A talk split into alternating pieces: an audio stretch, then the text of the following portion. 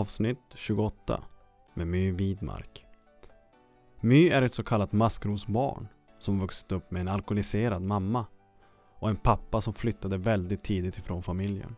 Denna barndom resulterade i att My själv utvecklade ett missbruk. Idag är hon nykterist sedan 21 år bak i tiden.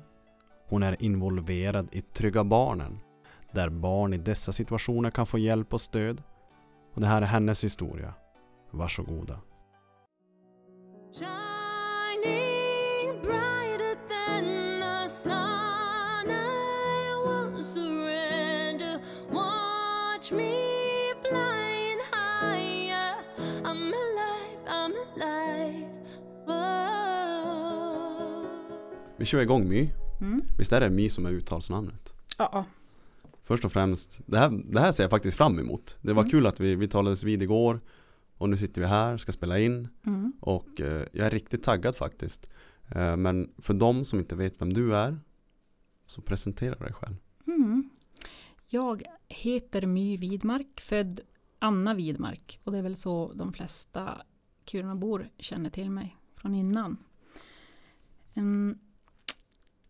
Jag är 43 år och eh, född och uppvuxen hit, eller här i Kiruna tills jag var 17.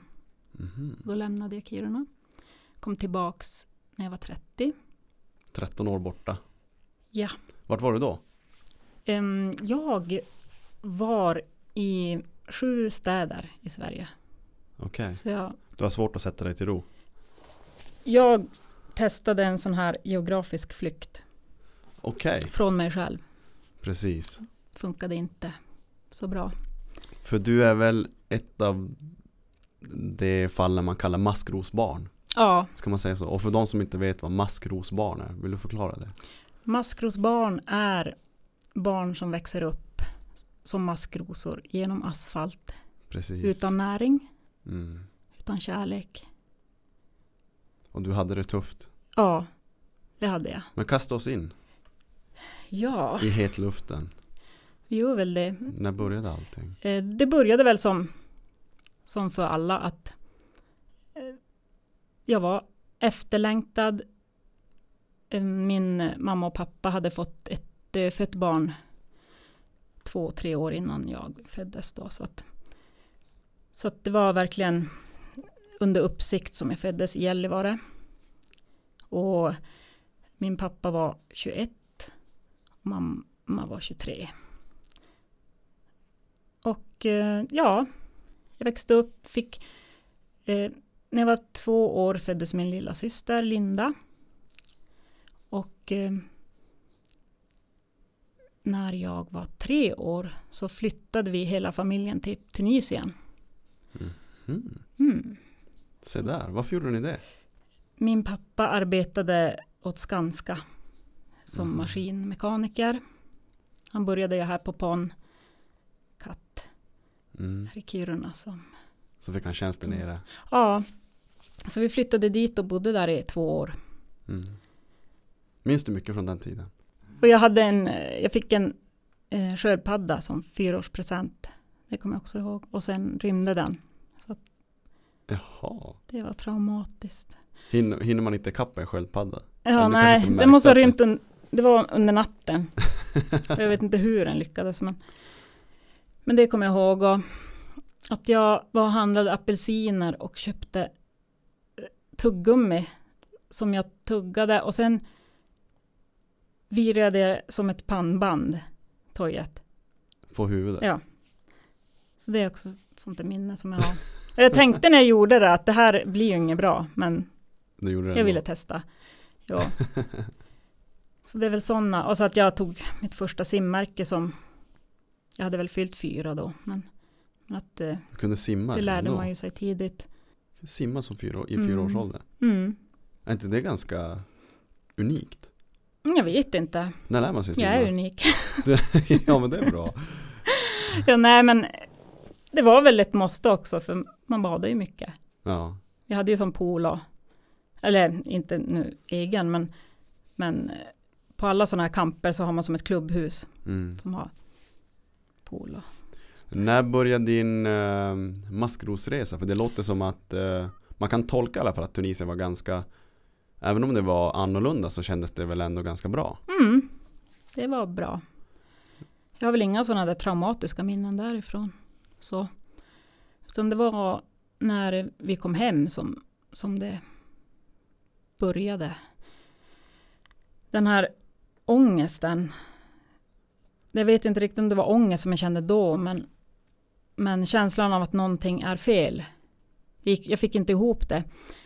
Eh, Jag minns att min mamma och pappa bråkade. Bråkade de mycket? Ja, och jag förstod inte varför. Som ett exempel är när pappa kommer hem med en nallebjörn åt mig. Och jag springer till hallen och kramar honom och, och så får jag den där nallen. Och jag, jag, han var ju min idol, alltså. Det var ju som bara jag och han. Och sen springer jag ut i vardagsrummet. Och så börjar de att bråka. Och mamma är jättearg på honom. Och jag förstår inte varför. Att varför är hon så arg på någon som är så snäll? Så, så det är väl sådana minnen jag har. Av det att jag inte får ihop det. Eh, sen har min mamma aldrig talat illa om min pappa. Och det är jag ju för evigt tacksam. Mm. Att hon aldrig har, har gjort det. Vad var det för, eh, nu när du är 43 år gammal, nu vet du kanske vad det är som var felet? Ja, ja det var väl det var väl en massa saker som de hade, alltså som de bråkade om som, som inte är relevant så, men men det slutade i alla fall med att pappa lämnade oss. Från en dag till en annan. Jag brukar säga att han lämnade mig. För det var det han gjorde. Och det var som inget annat. Utan, och det är så pass traumatiskt att jag har ingen minnen från det. Den händelsen. Mm. Utan den har jag fått återberättad av mig. Och det är han som har berättat då för en person som berättar för mig. Och jag hade inte ens sett honom packa några väskor eller någonting. Utan jag kommer, eller jag har suttit fast i hans ben eh, hela vägen ner för trapporna och eh, han är på väg till flyget. Till en ut i en taxi. Och jag står bara och ser hur han åker iväg. Hur gammal var du nu? Jag var fem. Mm. Så att och jag skrek ju hela vägen. Alltså det var som, jag kände ju att jag kände väl på mig att han, han kommer lämna mig. Så det är som det, alltså den händelsen har nog påverkat hela mitt liv. Att, att bli lämnad. Han kom Så- aldrig tillbaka? Eh, nej, alltså han for ju tillbaks till Tunisien först och sen till eh, sen for han till Sri Lanka i sex år bodde han där. Under de här åren så ja, vi träffades ju eh, en gång for vi till, jag tror jag var åtta då, till Cypern på semester två Mm. veckor med hans nya sambo då, som han träffade direkt när han flyttade dit till Sri Lanka. Men vi fick aldrig åka dit för att det var, det var inbördeskrig då, början på 80-talet. Mm, Så vi fick ju aldrig hälsa på honom där. Men, men han skrev brev, Mm. sådana här, det heter ju lightweight post. Det är som smörpapper, så är jättelätt brevpapper. Så jag har ju kvar alla brev. Mm. Och det var den enda kontakt ni hade? Ja, jo för man hade ju som inte telefon och sånt. Nej just det, Eh, det är, lätt, det är lätt att man Det är lätt att man glömmer bort det eh, När man är 90-talist bara, men Hur var det egentligen när du var liten? Det fanns ju Mm. inga telefoner Nej, vi hade ju sladdtelefoner. som satt fast i väggen. Och det... Ja, det var ju bra på ett sätt. Jag kommer komma till det just, just det här med telefoner. Att, att eh, på den tiden kunde man ju dra ut telefonjacket mm. och ta alla telefoner så att min mamma inte kunde ringa taxi. Hon skulle på krogen. Mm. För nu när pappa har stuckit så då tänker jag ändå att för du bor ju fortfarande med din syster och med din mamma. Mm.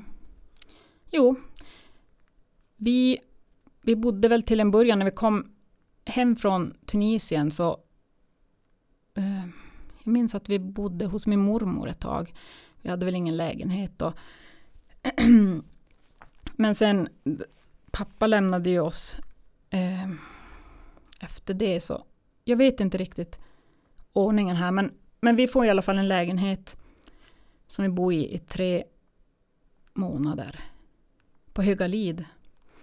Och sen får vi den här lägenheten på Gruvvägen 20 längst ner, höghuset där. Där allting började, liksom den här hemska klumpen i magen som aldrig försvann. Mm. Och vad var det som eh, tog fart då? Ja, det var ju att mamma, ehm, mamma mådde väldigt dåligt. Och det yttrar ju sig i att eh, hon började festa och gå ut och dansa som hon sa alltid. Fast jag, jag köpte ju aldrig det, utan jag, jag, eh, jag tyckte som att det är ingen ursäkt när du blir så konstig. Mm. Alltså det var som att ehm, på ett sätt skämdes jag över henne. Fast på ett annat sätt så förstod jag någonstans att det är inte det är inte hon som gör det här. Det är inte hennes val. Utan det måste vara någon annan orsak. För hur kan man välja att bli så där? Och göra sådana konstiga saker och utsätta mig och inte lyssna. Vad kunde konstiga saker vara förutom att gå ut och dansa? Och, för lämna, lämnade hon eh, er två hemma när hon gick ut och Mm. dansade? Helt Ja. ensamma? Ja, alltså eh, oftast hade vi barnvakter. Okej. Och det var ju kul ibland. Med att ha det också. Alltså det var ju, men det var ju fortfarande hela tiden den här känslan av att, av att inte kunna hjälpa henne. När hon inte var hemma. Alltså att inte kunna rädda henne. Och, eh, utan när hon försvann så Eftersom, jo jag hade ju det här traumat från pappa Mm. när han hade stuckit. Och, och det kände jag ju som inte till då. Eftersom jag har ju som förträngt det. Mm. Eh, så att varje gång hon lämnade mig så var det som att hon dog. Alltså det är samma trauma. Så jag kunde inte gå på dagis. Hon kunde inte lämna mig på dagis. Och då provade hon dagmamma. Olika dagmammor. Men det gick inte heller. För att hon kunde inte lämna mig. Till slut så fick hon tag på en, en barnflicka som kom hem till oss. Och då blev det ju lättare, det fungerade. Mm. Så, men just det här att, att bli lämnad. Det var tungt för dig. Ja, alltså det är det ju än idag, fast idag kan jag hantera det. Men, men när jag var 20-25 kunde jag inte hantera det ännu. När, eh, när ni fick den här barnflickan, eh, hade mamma ett jobb då? Eller gillar hon konstant att dansa? Ja, nej, hon hade ju jobb. Och det var ju, det var ju på helgerna som hon, som hon försvann. Mm. fredag, lördag. Och eh, till en början då. Sen utökades det till onsdagar också. Sådär. Men det kunde ju hända att hon inte kom hem på morgonen. Mm. Det är också minnen av att man sitter vid köksbordet och, och tittar mot, eh, ut genom köksfönstret mot det hållet där bilarna kommer och, eller om hon skulle komma gående just. Och just den här maktlösheten att jag vet inte vars jag ska, vad jag ska göra.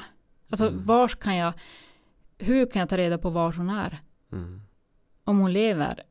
Är det någon som ringer mig då eller? Hur vet, vet de att vi sitter två barn här och väntar? Mm. Så, men hon jobbade, hon springvickade ju på olika ställen. Hon hade korta vikariat. Hon pluggade ju också på komvux. Så det var ju, men det var som ingenting fast sådär, inte då. Utan det blev senare att hon fick anställning och sådär. Hur länge pågick det här beteendet? Alltså hennes drickande, Ja, den här ångesten i 11 år. 11 år. Mm. Så då har du hunnit bli tonåring. Eh, jo, alltså när jag var 18 så blev hon nykter. Då var det första vuxna människan som, som såg mig. Och det var ingen i Kiruna. Så Mm. det, det gick så pass. Var det så här, det var alltså konstant från det att ni var små? Eh, ja, från, vad kan man säga, från jag började skolan i alla fall. Det var ju det att det, det eskalerade ju. Mm. där. Det blev alltså bara värre och Ja. värre. Eftersom det blir ju som en ond cirkel just.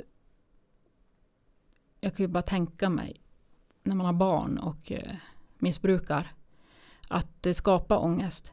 Och sen klarar du det inte utan drogen för att du har sån ångest. Mm. Så man vill dämpa det fast det blir ju som, Värre. ja. Var det bara alkohol? Eller Eh, vet du om det var droger också? Nej, det var alkohol. Var det. Och det var ju som... Alltså just, man pratar ju om medberoende just. eh, Folk som växer upp. Eller anhöriga till, till beroende personer. Och, och eh, jag gjorde ju allt för att hon inte skulle fara illa i sitt drickande. Alltså jag försökte ju bädda så att hon inte skulle falla så hårt. Att hon inte skulle vara så bakfull, att hon inte skulle eh, ha ångest över att hon har gjort eller sagt saker. Och, alltså försöka fixa hela tiden. Och, och sen det här att försöka hindra henne från att åka Mm. på fredag kväll. Men jag visste ju som hela veckan från måndag till fredag var ju bara alltså i skolan man satt och tänkte på måndagar att ja nu är det måndag, snart är det tisdag, onsdag och snart är det ett helvete igen och försöka hindra henne från att, att sticka. Mm. Men det var ju så hela tiden. Och, mm, så jag, jag skrek ju alltså i fem års tid. Bodde vi, vi bodde i fem år där på Gruvvägen. Det är det jag minns, att jag skriker. Hur var mamma annars? Eh, var hon eh, snäll mot er? Tog hon hand om er? Mm. Det var liksom, vad ska man säga då, bara Mm. hennes festande som var Jo, alltså hon tog ju hand om oss. Det är, det är ingenting där som, som jag känner så att Alltså hon gjorde ju sitt bästa utifrån sina förutsättningar. Och, mm, Men det är just den här um, frånvaron. Hon, vi, alltså vi har ju pratat jättemycket om det här och, och som hon beskriver att hon, var, fan, hon tänkte själv att, att jag finns ju där.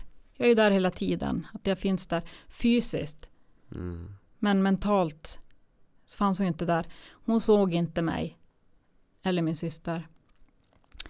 Så en psykologisk del av det här. Just eh, eftersom jag har blivit utredd inom psykiatrin. Och eh, som de har sett. Det är just den här bristen på spegling som barn. Att jag inte har blivit speglad. mm, Så att jag har jättesvårt att att förstå hur människor känner just när de visar det. Jag behöver höra eh, verbalt om någon är Mm. arg eller ledsen. För att, eh, och det, det är väl en del. Att eh, när man saknar den där speglingen. Jag har inte blivit bekräftad när jag har varit arg. Så har inte någon sagt, någon vuxen att oj, jag ser att du är arg. Eller ledsen eller glad eller utan det är som ingen reaktion alls. mm, Jag kunde skrika åt henne, vad som helst, hota med allt, alltså döda mig själv. Men ingen reaktion alls. Utan bara vänder mig ryggen och går. mm, Så, och det, det är som, jag tänker som nu som vuxen att så många som måste ha hört mig skrika. Vi bodde alltså längst ner i huset i den lägenhet vars alla måste gå förbi som går in eller ska till hissen. Alla går förbi där och, och aldrig någon som har knackat på och frågat Mm. hur det är eller om man kan hjälpa mig med någonting eller så. Ja, När du blev äldre då och, och det liksom eskalerade det här bara mer och mer. Jag tänker nu är vi väl fortfarande ändå på 80-talet. mm. Eh, hur såg man på alkoholmissbruk på den tiden? Var det så att man eh, Mm. att någon kanske kunde ge er hjälp eller kunde du när du blev äldre kanske söka hjälp? Att mamma är illa ute? Ja alltså eller var man just tvungen att då, klara sig själv? ja, jag vet inte just då. Men eh, senare så, så har ju SOS blivit inkopplat. Men det var Mm. ju som sagt när jag var 18. Mm. Ja, Och så- då, då, då är det ju lite för sent. Jo, Men, men... det är väl aldrig för sent men det, det är väldigt sent. Mm. Nej, men eh, jag vet faktiskt inte, men det var ju som just det här att att jag inte fick ihop det. Att jag förstod att min mamma är sjuk. Mm. Någonting är knas. Så det är ju också helt fascinerad över att jag förstod det tidigt. Jag har aldrig klandrat henne, jag har aldrig dömt henne eller någonting, utan det är som att jag vill bara att du ska förstå att du är sjuk. Att du måste söka hjälp. Försökte du du, kan- prata med henne någonting när du blev äldre då? När du började förstå ännu mer? Mm, jo, Vad kunde hon säga åt, åt dig och, och syster då när hon är borta varje onsdag, fredag, lördag? eller just när under själva tiden hon drack så pratade vi inte. Ni gjorde inte det? Nej, Du frågade Eller- aldrig hon hade väl, det var ju alltid ursäkter. Mm. Det var ju att, att ja, jag var hos psykologen och pratat och det var så jobbigt det vi pratade om. Eller att jag mår så dåligt. Ja men just det här med den onda cirkeln. Att Mm eh, hon mår så dåligt att hon måste dricka och så söker hon hjälp för att prata om det som hon mår dåligt över. Och så pratar hon om det och då mår hon så dåligt så hon måste dricka. Alltså det var ju som hela tiden ursäkter. Men jag köpte ju inte det. Utan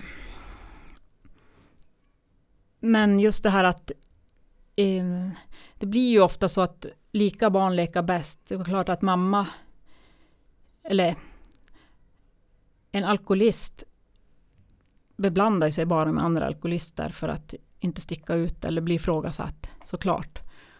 Och det gjorde ju även mamma. Så hennes bästa väninnor hade ju själv problem antagligen. Det vet jag ju som sagt ingenting om. Men, men jag fick ju höra eh, att eh, bland annat en, det glömmer jag aldrig, att hur fan står du ut med den där jävla ungen? Alltså sådana där grejer. Att, för att när jag var sådär frustrerad och försökte Mm.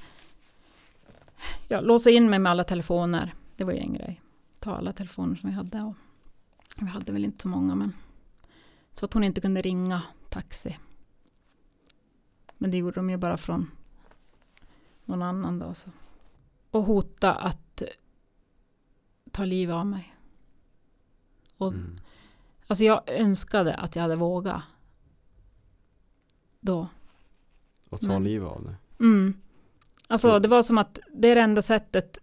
Eftersom när man inte får någon reaktion av henne.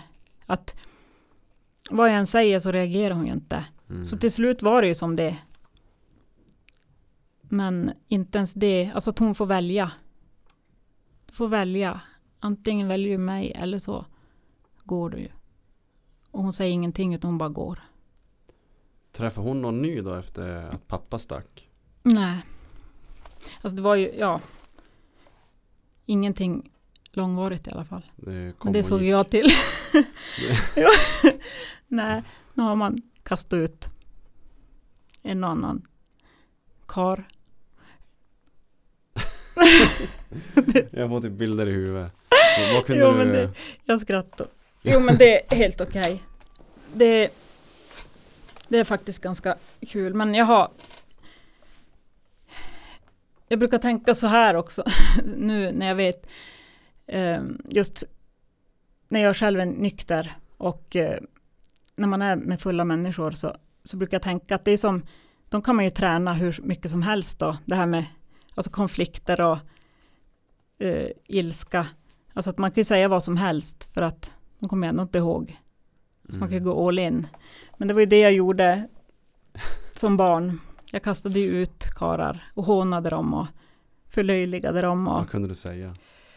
Eh, ja, bland annat så var det ju en som spelade gitarr på en efterfest. Det var när jag var äldre, 12, kanske 13. Jag kom hem och så var det värsta efterfesten och så sitter det någon lir och, så, och lirar gitarr på min och min systers gitarr. Och mamma säger att kom och lyssna här, att han är så duktig på att spela. Och jag, jag kommer dit och så drar jag någon harang där och, och sen, ja men typ att du tror du är någon jävla Kurt Cobain och och, och sådär. Så, så han slutade och så tog jag min gitarr och, och gick. Jo, nej, men det, det är som att jag hade ingen respekt för, för män överhuvudtaget. Men på något sätt så kan jag ändå förstå ditt beteende. Du vill ju bara ha din mamma där. Mm, Du vill ju, att, du vill ju inte att hon ska få iväg hela tiden. Du vill ju ha den här tryggheten. mm, Så att ditt beteende är ju ganska Det går ju att försvara. mm. Jo, och sen att hon sa ju ingenting. Vad ska hon säga? Så, men det var just om man pratar om den här gränslösheten att som jag kan ha idag. Och det är ju just att om man inte har fått några gränser heller någon, någonsin så Mm. vet man ju inte man vet ju inte vars gränserna går. Och jag har kunnat säga vad som helst och bete mig hur som helst. Jag har, ja, jag har ju gjort så mycket och skada mot mig själv också som när jag blev äldre just för att försöka få någon reaktion men jag fick aldrig det. Du har ju som fått bygga dina egna gränser lite grann. Ja, jag brukar säga att jag är självuppfostrad och Hur har lilla syster eh, tagit allt det här då? Har hon gått samma? Nej, alltså det är ju det att vi är ju totalt olika. Alltså det, men vi har ju alltid varit tajta som barn. Mm. För det var bara vi, jag, mamma och syrran. Och vi hade ju våran lilla hemlighet. För det var ju ingen som visste vad som försiggick. Och de som visste, de sket ju i det, uppenbarligen. Som hörde mig skrika och, och sådär. Mm. Men, men det var ju ingenting som vi berättade. Och inte för pappa. Det var, det lovade mig själv. Han kommer aldrig att få veta vad han har lämnat oss i. För att jag försökte ju Okej. skydda honom från dåligt samvete. Mm. Mm. Jag ville ju inte att han skulle må dåligt för vad han har gjort.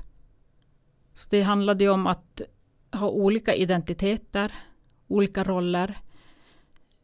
Jag var den utåtagerande, lite rebelliska. Alltså det är svårt att vara rebell när ingen bryr sig vad man gör. Mm. Det är väl det, men jag hade ju önskat att någon hade brytt sig. Alltså man rymmer och någon ringer polisen eller Mm. ja, sådär. Um, eller jo, jag tjuvrökte. Då fick jag ju utskällning. Men det var ju, jag hade ju bränt upp luggen så det var ganska uppenbart. Och så kan jag inte ljuga. Var det mamma som skällde ut dig då? Jo. Alltså, ja. Exakt. Så Hur gick skolan för dig? Ja, alltså jag lärde ju mig att läsa och skriva när jag var jätteliten. Jag vet inte ens hur gammal jag var. jag var tidig i alla fall. Mm. Och när jag började skolan så kunde jag ju allt. Och det, det är väl den känslan jag hade. Och jag kommer ihåg att, att jag tyckte att det var så tråkigt för att jag kunde Mhm. allt. Och ja, jag fick väl inte den stimulans som jag behövde. Så att, eh, men jag gjorde ju det jag skulle. Jag har alltid varit lydig, som man säger. Eh, duktig. Med på alla lektioner, gjorde allt jobb, lyssnade på lärarna. Mm, jo. Det gjorde jag. Men jag var också den som sa ifrån när det var något var fel. I alla fall när jag blev äldre. Kanske inte första åren i skolan men men det är väl det jag minns. Men sen också den här känslan av att inte passa in. Att det är någonting som är fel med mig. Den känslan i skolan. Att det är fel på dig. Hade, Ja. hade du mycket kompisar? Jo, det hade jag väl. Men... Du jag ofta- kände att något var fel men du visste inte vad det var? Ja, på mig att jag inte passade in Mm. På något sätt. Att det var... Ja, det var som att jag inte förstod riktigt vad det var som gällde. Eller vad ska man säga? Att jag tänkte, hur vet alla andra hur de ska vara? Hur de ska prata, hur de ska klä sig. Jag förstod som inte varför, hur vet alla? Men jag, för att jag visste inte. Mm. Det var som att allt som jag gjorde, det, det blev ändå bara fel. Eller kändes fel. Men om, Ja. om, om allting kändes fel eh, Jag tolkar det som att du har inte gjort så mycket fel ändå Men den här eh, känslan kommer förmodligen hemifrån Mm. Att du inte passar in, att du tror att du gör fel Eller gjorde du mycket fel? Nej, men att det var fel. Mm. Alltså det var ju som, ja dels ett självförakt. Att jag hatade mig själv. Och allt med mig själv. Och jag förstod som inte var, om någon sa någonting bra, så förstod jag inte vad det var de menade. Att de vet bara inte hur dålig jag är. Eller, ja, men det, det handlar väl också om speglingen just. Hur viktigt Mm. det är att bekräfta barn. So call me a cynic, call me a bummer. I don't wanna be that way anymore. This life that I've been living, living without color, ain't a life worth living at all. Men sen när ni, du, du åker iväg när, när flyttade ni sa du? Eh, hur gammal var du då? När vi flyttade till Eh, du var ju borta i 17 år Jaha, jo. Eh, ja, men det, flytterna här, det, det var ju, tog ju inte slut där med Tunisien och det, utan när, vi, när jag var 11 år så hade min pappa flyttat till Panama. Okej, så Och då- han stack från Sri Lanka Mm. Och då skulle jag och min syster flytta dit, Mm. tyckte Mm. han. Och mamma gick med på det. Så jag var 11 och syrran fyllde 9 när vi var där. Jag började femman och hon är trean där. Svensk. Så ni stack till Panama? mm. Vi åkte dit, vi, vi eh, ja till sommarlovet där. Lite innan sommarlovet började så, så åkte vi iväg 89. Vi for ner, jag och syrran och så var det något par som mötte upp oss på Arlanda som vi då flög resten av vägen med. Hur går känslorna och tankarna i kroppen och huvudet? När Mm. ni så ändå unga Ja nu ska vi dra och flytta till Panama Ja, Kändes det bra? Jo. Men det var ju dubbelt eftersom jag lämnade mamma. Men jag tror det var att hon var så pass positiv och stark och alltså att ja, det måste ju ha varit så.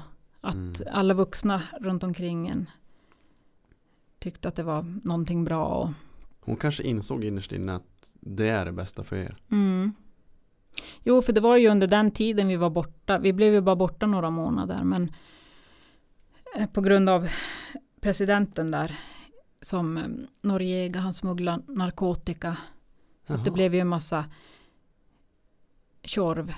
Så alla utlänningar var tvungna att lämna Landet. landet. Mm. På typ en veckas varsel. Det var, gick jättefort. Så plötsligt var vi tillbaka i Kiruna. Och pappa flyttade till Sundsvall tror jag. Eller, ja, han var i Sverige i alla fall. Och då hade ju mammas drickande exploderat. Nej men det hon hade i alla fall börjat ta återställare. Okej Så att eh, så vi kom ju hem till något Till- ännu värre. Ja precis, Mm. samma misär fast eh, en level extra Mm. Jo, för hon var ju helt förtvivlad när vi hade åkt också. Samtidigt som att det var skönt också. mm. Men eh, ja, och då flyttade vi ju till eh, Borraregatan på Lossa. Och där träffade ju mamma en man som flyttade in hos oss i ett år. Fick han höra skit från dig? Mm, nej, För han var- inte iväg nej, nej, han var faktiskt jättebra. Han hade en bil. Vet, jag är ju uppväxt ut, mamma har aldrig haft körkort. Jag har Mhm. fått cykla och gå överallt. Och han hade en bil och det var, ja, så det var stort. Men han hade också alkoholproblem och var aggressiv och, och sådär så att så den sidan var ju såklart eh, ingenting som jag gillade men, men han har ju aldrig skadat oss barn. Han var alltid jättesnäll och respekterade oss och, och sådär. Så, så där, mamma hon kunde ju lägga sig bakom mig i min säng. För då kom han ju inte Mm. in i mitt, han kom ju inte in i mitt rum. Utan det respekterar han ju. Så det var så. Men som sagt, han blev ju där i ett år. Och sen Var det ständigt våld? Eh, ja, fast ingenting som jag märkte av desto mer. Eh, Det kunde vara att jag, ja men som en gång kom jag hem och eh, dörrhandtaget på, alltså vi bodde ju som med, eh, man gick in genom en ytterdörr och så kom man in i ett trapphus och så var det en lägenhet på varje våning och, och den dörren in i lägenheten den var, då var handtaget bortskruvat. Så jag kom inte in. Och så hör jag hur mamma gråter. Jag måste ha varit 13 då. Men jag vet inte ens hur jag kommer in. Och, men då, då har det ju varit, för det var lite trasiga saker. Och kökslampan kommer jag ihåg att den var bucklig. Och så. Jag har ju som aldrig varit, varit med när det har hänt.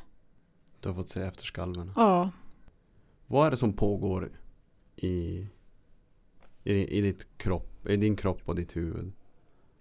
När du får fortfarande leva i det här misäret. Alltså hur, hur lyckas du det hålla på fötter? Nej, jag vet inte. För min önskan varje dag det var att jag skulle dö. Alltså konstant. Men jag ville inte ta ansvar för det själv. Jag ville att någon annan skulle döda mig. Eller något annat. Mm. Alltså det var som, och det här, det blev ju, jag fick ju möjligheten att utsätta mig för faror ju äldre jag blev. Och när jag själv började dricka. Så att det fortsatte att bli värre och värre. Den här ja, självdestruktiva sidan. Det utsatte mig för att något skulle hända. Så du började själv dricka sen när du blev äldre? Ja, jag var 13 när jag började dricka. Tror jag. Ja, eller tror jag vet att jag var det. Men då testade jag. Jag tog ju öl från mamma. För jag visste ju var hon hade sina gömmor. Och jag drack. Fast mina kompisar inte drack. Vi hade ju något som hette Barnens dag. Alltså, Mm. Och då kom jag ihåg att jag drack på vägen dit. Men inte de andra. Men det var som så naturligt för mig. Mm. Fast jag aldrig hade gjort det. Bara att dricka. Och det var någonstans att jag kände att det är någon tomhet i mig som jag måste fylla med någonting. Jag visste inte vad. Men jag tänkte det här kan ju vara någonting som jag, det här är vad jag ska göra helt enkelt. Mm. Oavsett. Och sen var det ju när jag var 14. Hade min polare fått en kvarting i 15-årspresent. Hon fyllde år en vecka innan mig då. Så vi for på Malmö och svepte ju den här kvartingen. Vi delade på den. Jag och hon smakade skit. Men vi tänkte att det ska vi göra det då. Och det slutade med att vi satt ju på varsin toalett med ryggen mot varandra. Och bara spydde och sov och ja, vi kom ju inte därifrån. Och vakterna kom till slut och bar ut oss. Och jag kutade hem till Borraregatan från Malmö. Sov på badrumsgolvet. Medan hon fick åka polisbil för att hon vägrade ju säga vad hon hette. och sådär. Så hon fick åka polisbil så att hon blev ju, då blev ju soc inkopplad för henne. Men inte för mig. Hur kom ni in på Malmö? När ni var så unga? 15 års gräns var det ju. Ja, jaha, var Ja, det var ju så här 15 års disco. Okej, Mm. ja ja. Mm. Mm. För jag vet att visst fanns det Malmö också förut som disco va? För liksom 18 års, visst var det Jo, fest säkert. förut? På Malmö? Jo, alltså sån här dans. Ja. Jo, men sen hade man ju 13 och 15 års diskon där. Okej, okej. på ja, ja. nederplan, eller överplan, ja. Överplan. Ni var bara där lite tankade. Eh, ja. Fast inte när vi gick in, men, men Mm, det där. blev det. Ja. Så, ja. Så det var som min första riktiga fylla. Och, och jag kunde inte ha hårspray. Det är ju sprit, lukt. Jag kunde inte ha hårspray på flera år. Alltså vad jag spydde. Så fort jag kände så här, eller aceton eller någonting. Mm. Just för att man hade druckit rent. Det är nog ganska, alltså Jag är för drucken på Jäger Från typ studentveckan Mm. Eh, Jag kan inte ens lukta på Jäger Nej. Men du hade din liksom första riktiga fylla och då var du så här Ah fy fan vad äckligt med sprit Mm, men jag har samma för Jäger, för det har jag gjort samma sak fast senare. Jo. Ja fy fan Ja, det- Jäger alltså Mm. Det går inte Nej, det är så vidrigt. Och samma med den där fish shot Typ eh, Det blåa. Ja den smakar väl typ lite tandkräm Mm. Ugh. Blå. Nej, Ja. så det... Men vad hände sen då? Ja, Efter din löptur Och ni blir äldre ja. Vi får ju till min pappa varje sommar i alla fall. Han bodde i Småland då, på mm. högstadiet. Och det var, gällde ju att hålla masken. Att, inte, att se till att mamma inte ringer. Då var det också, det var inga mobiltelefoner, så det var ju som, ringde hon så var det ju hem till honom. Mm. Och det hände väl en gång att hon ringde och var full. Men man försökte som, så länge han inte ställde några frågor så Mm. tänkte man att ja, uff, då klarar vi oss. Eh, men det är det jag tänker idag att jag ville ju att han skulle fråga hur det var. Mm. Men det var ju hans sätt att skydda sig från sitt dåliga samvete, antagligen. För att det går inte att missa att vi inte mådde bra. Det gör det inte. Men det kändes bra ändå att, att vara med pappa. Alltså liksom, Mm. ni hade en bra relation. Trots allt som har hänt, trots att han flyttar runt en hel del. Mm. Jo, absolut. Så ni trivdes att vara med pappa. Jo, det gjorde jag. Det, men det var ju någonting som hade förändrats när, när jag träffade honom första gången efter han hade lämnat oss. Då var jag ju åtta, nio, när vi skulle åka till Cypern. Mm. Då var det som, jag kommer ihåg hur ledsen jag var. För att jag märkte att jag inte var hans favorit längre. Utan han, han tog ju min lilla syster och när vi var och handlade, vi handlade kläder inför resan. Och så kommer jag ihåg att vi var eh, handlade skor och skulle pröva skor och, och då var det hon som hjälpte mig, hans nya tjej då. Och eh, medan han höll på att latcha där med min lilla syster och jag kände bara att det, för att jag menar de hade ju inte någon, haft någon relation. Hon var ju så liten när han stack så att, så det var ju som en helt, något helt nytt för mig. Och det minns jag just hur förkrossad jag var. Det var min första kärlek som hade hittat en ny, den känslan. Så men ehm, ja, Så det blev jobbigt för dig ändå det där också. Att du känner dig på något sätt Mm. utbytt. Jo, för sen eh, ju äldre jag blev så, ja, hur ska jag förklara det? Det var som den här känslan när han kom med, med förslag eller eh, vad han tyckte att jag skulle göra med mitt liv eller med sina åsikter angående mig så kände jag att vem är du att komma och, och säga åt mig vad jag ska göra eller att du känner inte ens mig. Eftersom vi levde ju som en hemlighet Mm. som han inte visste om. Och, och sen när han, han inte riktigt förstod det att han kan inte komma och bara bestämma över oss. Så då skapade det ju slitningar såklart. Det låter som att din rebelliska sida nu hade väckts till liv. För du nämnde tidigare också att du var rebellisk av dig. Och... Mm. Jo, det är väl det är väl enbart honom som jag har kunnat Mm. vara rebellisk mot. Mm, gjort motstånd. Ja, och än idag faktiskt. För jag tror inte jag som bråkar med någon, en enda människa som jag kan, alltså om man kan säga, eh, ja men vara så utåtagerande som jag är mot honom. Det är som att han, han får ta det. Du har inte gjort fred med han då? Nej, alltså det, i mig själv har jag väl det, men, men jag har ju också insett med åren att eh, man behöver inte umgås bara för att man är släkt. Och innan jag visste det så då levde jag ju med ångest över det. Att, att eh, måste umgås med någon som, man, som bara får en att må dåligt. Mm. Att, det, att jag måste det för att man är släkt. Men så är det ju inte. Utan när jag kom fram till det så, så har det blivit mycket lättare.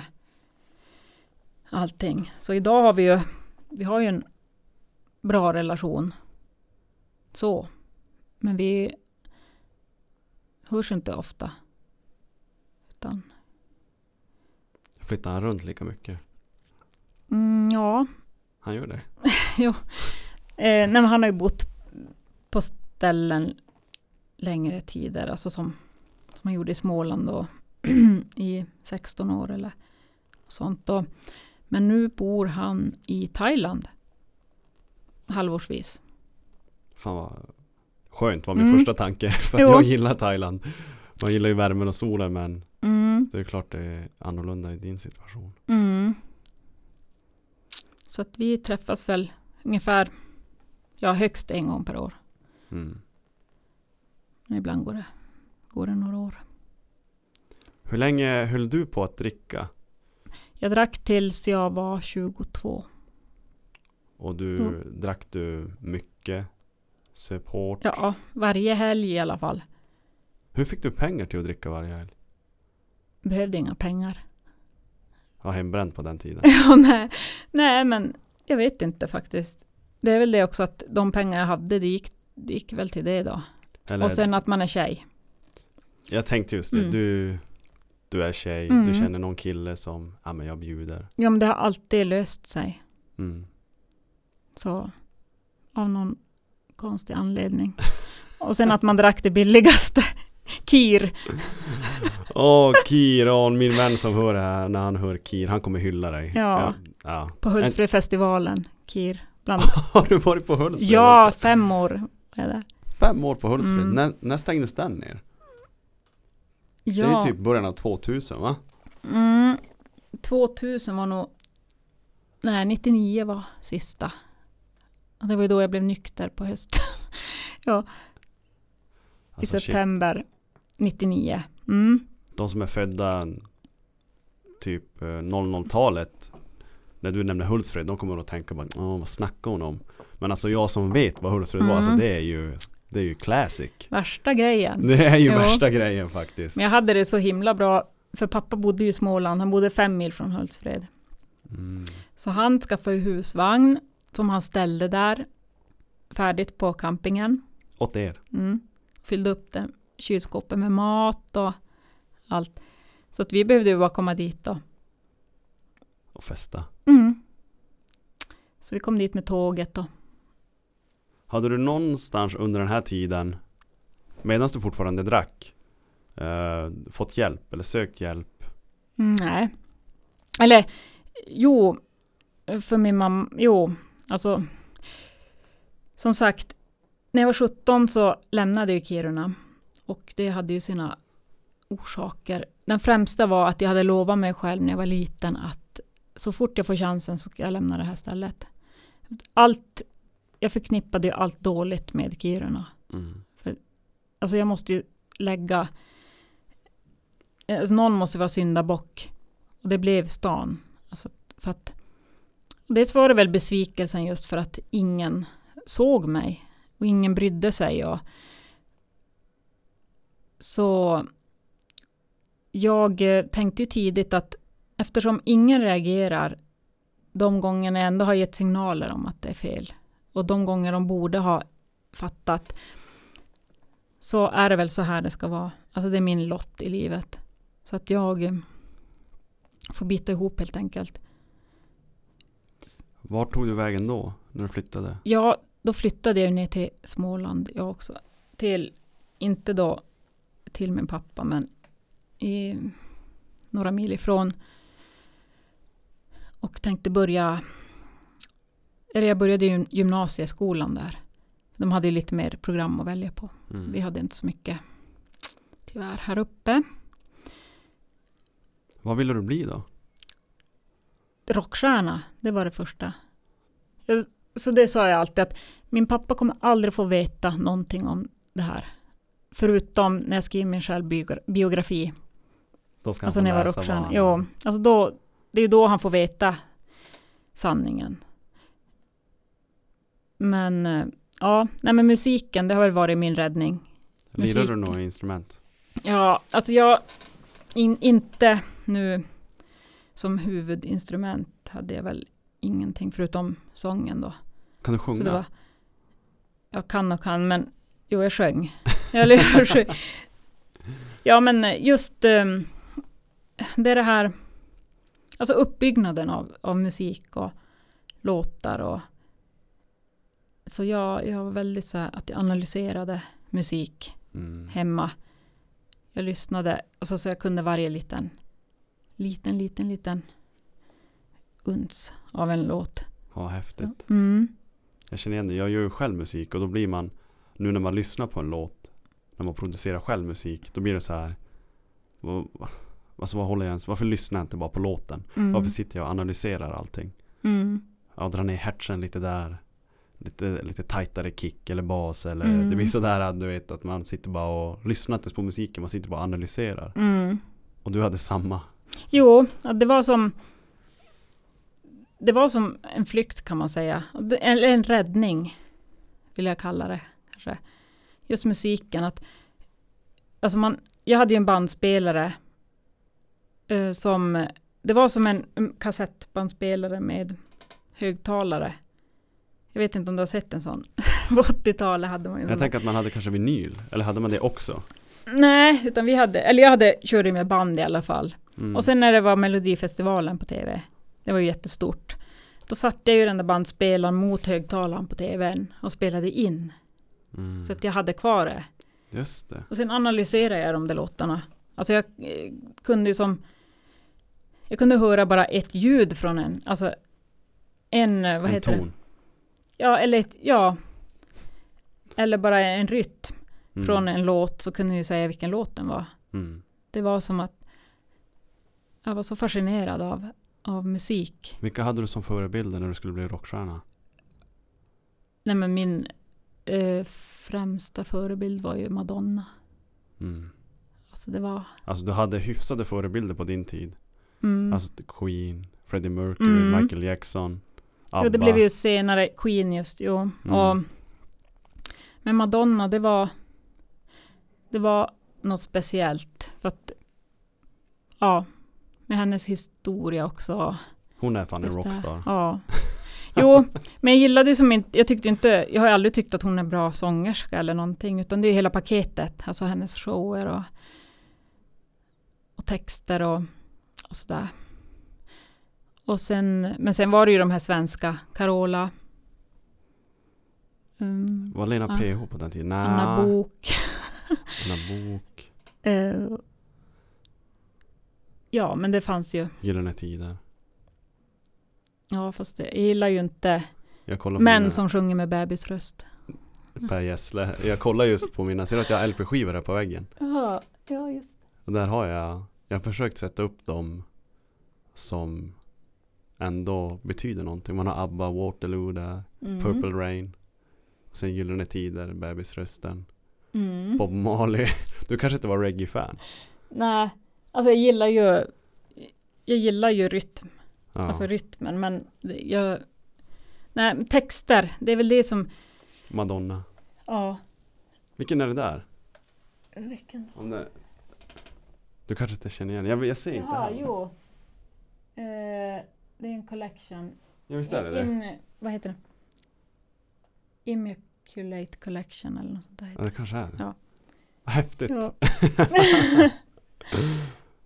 ja, nej men jag började ju, eller när jag gick i trean så då skulle de ju ha Sveriges, eller Sveriges, Sveriges första musikklass norr om Uppsala skulle Mm. de starta här i Kiruna. Så då var det uttagning till det för att börja i fyran. Så att jag, eh, alltså man ser ju redan då att att jag var orädd för förändringar. Alltså det här med, och det är ju säkert för att jag hade flyttat tidigare och, Mm. och det här att, eh, och då sökte jag ju och kom in. Och sen hakade det ju på två personer till från min klass som också började. Så att då gick jag ju i musikklass och hade musik varje dag i skolan. Och Ja, och sen och spelade ju in på på fritiden så fick vi hjälp av musikläraren och, och spela in på musikskolan i deras studio. Så Ni har, du har några låtar? Som... eh, eller? ja, jo, alltså no, jo, men det är ju några år sedan. Det hade man velat Jo, men det var kul. Och så ja, men sen eh, det är ju, jag insåg ju ändå att det är ju inte någonting som man, man kan studera till. Alltså, för att gymnasiet kom ju och, och jag skulle bli rockstjärna, men vad ska man välja för gymnasium när man inte vill plugga? Jag var ju så less på skolan och, och vi hade ju som ingenting. De startade mus, eller musikgymnasium i Pajala, Mm. men dit vägrade jag flytta. Så därför valde jag media i södra Sverige. Ja, då var jag 17, jag fyllde 18, flyttade från, från Småland efter ett år. Ville inte bo kvar där. Och Var tog du vägen då? till Umeå, Mhm för att min syrra började gymnasiet. Så hon flyttade dit, så vi bodde ihop. Men jag blev bara där några månader. Sen kom jag tillbaka till Kiruna. Eh, I två år var jag, då var jag hemma igen. Och det var ju saker som hände då som, som gjorde att, att jag klarade inte av att vara där just då i, i Umeå, utan jag var tvungen att vara i Kiruna. Vad var det för händelse? Jo, jag flyttade ju upp för att det var på höstlovet. Då när jag, hade, när jag bodde där i Umeå. Så, så var jag uppe i Kiruna och festade hela veckan med en kompis.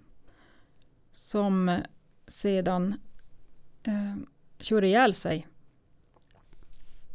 Efter att vi hade skilts åt. Hade ni festa? Eh, ja. Och jag var den sista som han ringde till. Då hade man sån här nummerpresentation. Jag var ju hos mamma, sov ju hos mamma. Så hade man sån här Telia Anita hette det. Mm. Som man såg telefonnummer och, och jag, hade ju, jag var ju så full så jag hade ju inte hört ringa. Och, och sen så ringer min, en annan kompis då och frågar efter honom. om han är hos mig.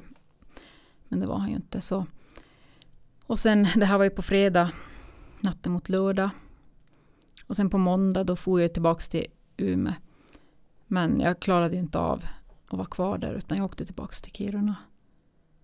Och sen blev jag kvar i två år ungefär. Så. Och i samma veva här så hade ju min mamma blivit nykter. Mm. Och det blev hon ju tack vare en vuxen person i, eller två vuxna i, i Småland, i den staden som jag bodde. Okej. Det var eh, innan jag flyttade från Kiruna så hade jag ju hittat, jag hade ju träffat min första kärlek. Och jag slets ju mellan att jag hade lovat mig själv att lämna stan och det här att lämna honom. För att jag, jag fick ju inte med mig honom. Och, men till slut så, jag såg ingen val. Jag är väldigt principfast om jag har lovat mig själv någonting. Så då, då flyttade jag ju utan honom och sen så gick det ju några månader, sen tog det ju slut. Och det att bli lämnad som jag inte klarade av. Alltså jag, det var ju som att jag dog. Så att jag, jag hade ju lagt hela mitt liv i hans händer. Det var ju som, han var ju det enda som höll mig vid liv, kändes det som. Och mamma var ju jätte, hon var ju, ja hon var ju konstant, eller inte konstant full men hon, hon mådde ju så dåligt då. jag hade lämnat syrran med henne, alltså, så jag visste ju det att syrran är där och, och får ta allting själv. Hon som har varit den här tapetblomman, jo för det var det vi pratade om tidigare, just om det här med roller, att jag tog den här sidan, alltså utåtagerande Mm. och rebelliska, duktiga. Och hon var en så kallad tapetblomma som bara finns där men inte märks. Och jag har inga minnen av henne. Alltså jag har inga minnen. Hon är bara som en skugga av mig för att jag är som i fronten hela tiden. Men du nämnde att mamma hade blivit nykter. Och eh, var det i samma veva som du skulle flytta från din pojkvän då? Nej, utan hon var ju jätte eh, illa däran. Och jag hade ju så gott som bott hos då min pojkvän hemma hos honom i två år. Jag Mm. var ju knappt hemma. Och festade ju. För det blev ju så till slut att, att jag festade med min mamma. När jag var 16, 17. Så, och det var ju perfekt att kunna dricka själv. Och samtidigt ha koll på henne. Mm. Så det var ju det ultimata tyckte jag. Hur kunde det se ut? Hängde du med hennes polare eller var det dina polare och mamma eller? Nej, mina polare och hennes polare. Som när hon fyllde 40 måste det ha varit. Då, då var det tre dagars fest där. Alltså, Taxi Kiruna hade gratis taxi den helgen. Alltså fatta. Det var ju så, de fick ju köra till den här borrade gatan. Hur mycket folk som helst. Alltså det var jag hade ingen kontroll över det. Alltså det, det var folk överallt. Och du vet min syrra mitt i det här. Hon drack inte. Nej. Så Men shit, alltså det låter ju sjukt hemskt. Först och främst. Alltså man kan nog inte ens förstå liksom hur det scenariot ser ut. Det var först, jag har då, det är väl först på äldre dagar, pappa fyllde 50 för två helger sedan. Då är det klart, då dricker man ju med varann. Men det är ju att pappa fyller 50, det är släkt och vänner och nära och kära. Det är på ett helt annat sätt nu. Eh, Men då mm. Alltså som 16-åring, 17-åring sitta och dricka med mamma. Hennes Ja du nämnde att hon hängde också med al- Mhm. alkisar. Och sen ska dina polare sitta och dricka med alkisar. Alltså det är Mm. Och sen när du nämner det är det som att Där och då var det som normalt på något sätt. Ja, det var ju inget konstigt. För det var ju ingen som reagerade. Förutom en kompis mamma som förbjöd mig, eller förbjöd henne att vara med mig. Det är som det enda som, och det förstår man ju. Men Hur, hur kunde den mamman få reda på Hade polaren sagt då att i, nej, men jag vet inte hur hon fick reda på det, men, men just det här att, att vi festade mycket? och att mamma visste om det. Mm. Antagligen. Men det sket vi. Det var, det var ju det som var livet. Alltså, jag visste ju inget annat. Det var ju ingen som har berättat för mig att, att det är någonting konstigt. Utan jag visste att man ska vara full. Mm. Fredag och lördag minst. Minst. That's it. Ja men sen, ingen annan har sagt någonting annat. Och ingen reagerar när man är det. Mm. Så att man har ju som ingenting att gå på. För Mm. man föds ju utan referenser. Och någon vuxen måste ju ge dem. Mm. Och de referenser jag hade, det var min mamma som gav dem. Mm. Och ingen Ja. ifrågasatte det. Nej precis. För att jag berättade ju faktiskt, alltså det, det blev ju så här, mamma fick ju en anställning. Och eh, misskötte jobbet. Det här var ju på högstadiet. Hon, för det blev ju värre och värre att hon, hon var inte nykter på måndag morgon ännu. Mm. Om hon ens hade kommit hem.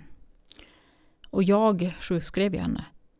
Jag ringde ju till hennes jobb och sa att hon inte skulle komma. Och, och en morgon så, så fick vi inte liv i henne. Jag och min syster. Och då går jag i femman. Eller fyran. Kommer inte så ihåg. Jag måste ha gått i femman. Och jag ringer då till min fröken och säger det att att eh, vi får inte liv i mamma, att, att jag kommer sen, senare. Alltså, för hon andades, men vi kunde inte väcka henne.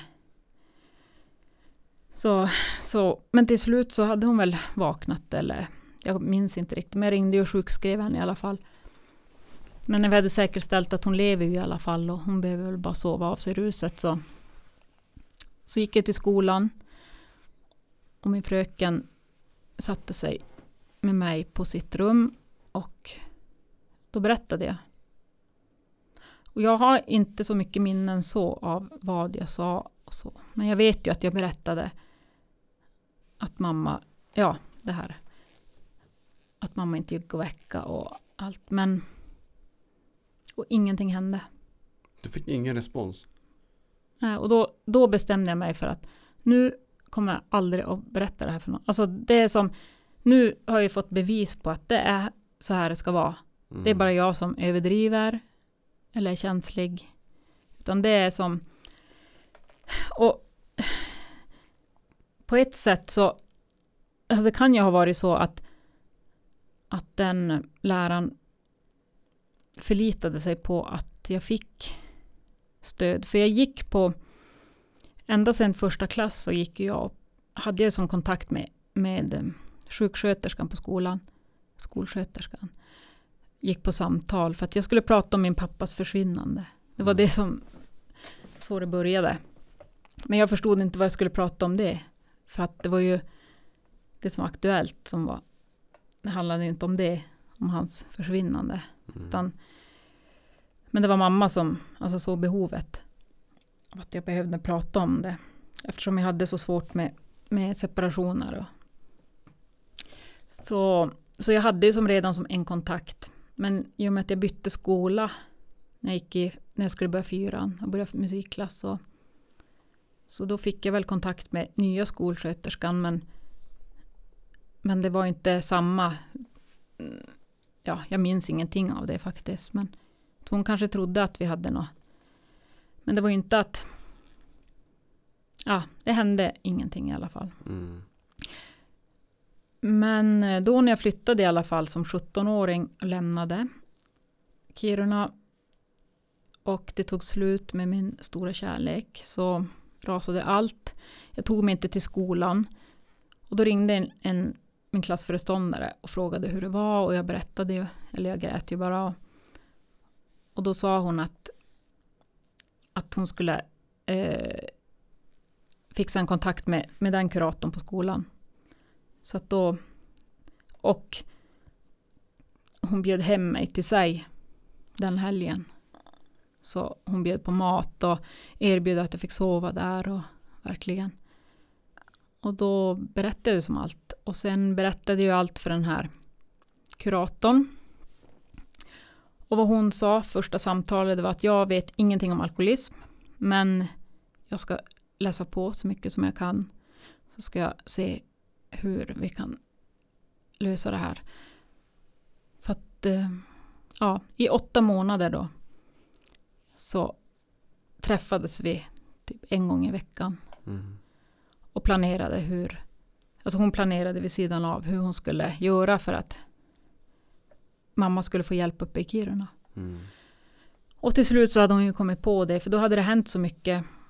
Dels att min syster då som var minderårig, hon var ju 15, 14, 15, att hon, hon är där själv med mamma och som inte är hemma. Hon kan vara borta flera dagar. Och, så då gjorde hon en orosanmälan till SOS. Och då blev vi ju kallade till möte som vi var på. Och där konfronterade de ju henne och erbjöd henne behandling. Men hon satt ju där som en tonåring och bara och så var skitkaxig. Och, och hon hade ju inga problem. Och, men sen gick det två månader. Så och då någonstans som hon säger idag så visste hon ju att det var kört. Mm. Så nu är det bara att gå all in och sen startar vi ett nytt kapitel. Så hon hon söp ju ner sig där två månader och sen sa hon att nu är jag redo för behandling. Och så var hon på två veckors behandling då. 95 i maj. Och är nykter sedan dess. Vad vill hon få ut av den här uh, all in? Uh, Nej men det är väl någonstans naturligt. När man vet att något ska ta slut. Jag vet inte. mm. Vad fan hade jag också? Nej men att man tänker. Eh, ja, om man vet att jag kommer inte få göra det här nu något mer. Mm. Så nu jävla. Ja men det är ju sjukdomen. Den är ju vidrig. Beroendesjukdomen. Men att hon på två veckor bara kunde vända. Mm. Så många års missbruk. Mm. Ja, Men hur kommer det sig? alltså jag tror, alltså en del i allt det här det är ju att om man ser på hur mycket man kan förstöra i ett missbruk, alltså med ekonomi, hem, alltså att man inte har något hem till slut eller man har förlorat sina barn, jobb, allting. Men hon hade ju allt det där. Mm. Alltså, För det, det är bland det viktigaste jag har fått lära mig, eller typ det enda, enda från min mamma, det är att räkningarna ska betalas först.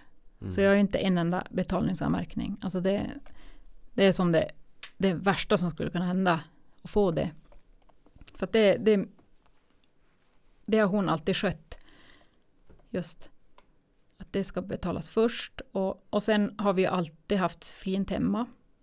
Alltid fått beröm för fina gardiner och ja, allt sånt. Alltid städat och, och mamma har alltid varit fräsch och snygg i håret. Det var ju typ det man fick höra på kvartssamtal och sådär som man hade i skolan. Mm. Hur fin hon var i håret och ja. Så att hon hade ju inte det. Hon hade väl inte tillräckligt, alltså tillräckligt med konsekvenser hade hon, men Hon var inte inte som, de konsekvenserna. Nej precis, sov ute på en parkbänk. Det är nog svårare Eller- då att ta sig tillbaka, kan jag tänka mig på ett sätt. Mm. Om man har... Ja, men... ehm, nej, men det... Det gick ju bra, men... Och det var ju skönt att... Att hon tog det steget. Hur var mamma efter att hon hade blivit nykter? Ja, Kände du igen henne? jo. Att hon, hon var ju mamma fast Nykter? utan alkoholen. Fast det, det har också varit svårt att eh, det blir som ett nytt sätt att leva för mig också som jag inte kunde hantera. Hur, vad ska jag nu leva för? Alltså, det är som min huvuduppgift i livet. Mm. Att se till att hon överlever. Och nu har jag inte det. Alltså nu måste jag fokusera på mig själv. Och det var ju den största rädslan. Så att jag fortsatte ju dricka. Fast hon inte drack. Och jag kände ju varje gång jag gjorde det att jag. Alltså som en hycklare. Mm. För att nu har jag varit och sagt åt henne. I alla år. Att ja dels rökningen. Hon rökte ju också när jag var liten. Att, så det, det har jag som princip att jag inte börjar röka. För att jag har klagat på henne så mycket. Men drickandet. Så det blev ju att jag smusslade för henne. Och inte sa sanningen riktigt. Och, eh, vad heter det? Förminskade Mm. händelser och, och sådär. Men, men det, det blev som tyngre och tyngre att bära det. Så att jag till slut, eller ja vad ska man säga. Det blev ju så illa att sista åren jag drack ville jag ju att något skulle hända mig så att jag slapp göra det själv. Som jag sa tidigare. Att Mm. och jag flyttade ju till Stockholm. när jag, när jag var 20. Och där gick det inte alls att vara, dricka på det sätt som jag var van vid. För att där reagerade ju vakterna. Mm, Alltså. Så Mm. att- Och jag hängde ju på Spybar bland annat.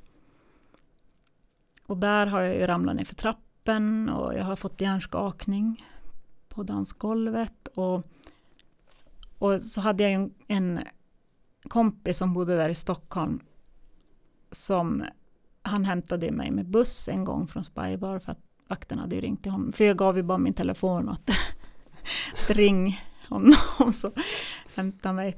För de tyckte som att herregud att så här full kan man, alltså du måste ju hem och vila. Mm. Och bara, men det har inte ens börjat kvällen, tyckte man ju. Alltså det var ju så, så att det var ju verkligen en helt annan mentalitet. Mm. För här kommer man in på hörntänderna. Alltså det är ju inte något problem. men, men det var ju sådana konsekvenser. Jag, jag utsatte mig, jag började bråka med kompisar. Alltså att jag blev sådär omöjlig att vara med. Jag gjorde mig det, för att jag Mm. ville att de skulle hata mig och be mig fara och flyga. Och, och så sen stack jag ut, utsatte mig, jag var ute i gränder, du vet i fyllan där, ensam i Stockholm. Eh, jag satte mig med något gäng i en van en gång. Och att de skulle köra hem mig. Du vet, jag, ja, så obrydd om mig själv, om mitt liv. Vad var det som eh, fick dig att börja den här, eh, eller att bli nykter då?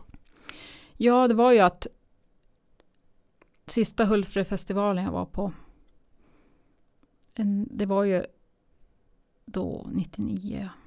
Och där sket jag fullständigt i vad jag tryckte i mig alltså. Jag, jag kunde gå bara förbi ett gäng och så haffade jag någon flaska som jag såg och så drack jag tills de slet bort den typ. Alltså jag brydde mig inte. Mm. Och någonting fick jag ju i mig så att jag fick en blackout.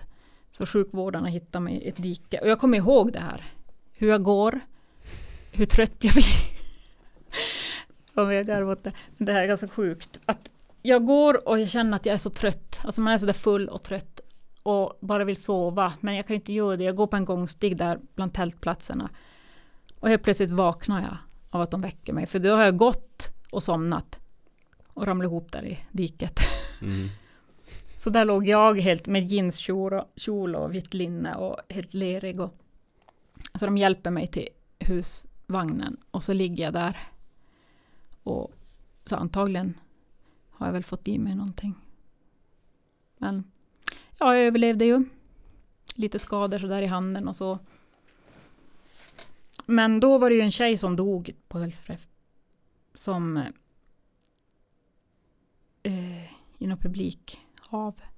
Just det, det känner jag fan igen. Och ingen fick ju, det var ju som knapphändig information som gick ut i media. Mm. Så mamma hade ju försökt ringa mig. Jag hade ingen, eh, ingen batteri i mobilen. Så låg jag ju däckad. Och det var ju samma kväll. Så då... Och det var ju någonstans en ögonöppnare också för mig. Hur jag... Alltså vilka konsekvenser det har, hur jag påverkar ändå andra med mitt drickande. Mm. att jag har gjort henne så orolig. Och, och sen när jag kom hem så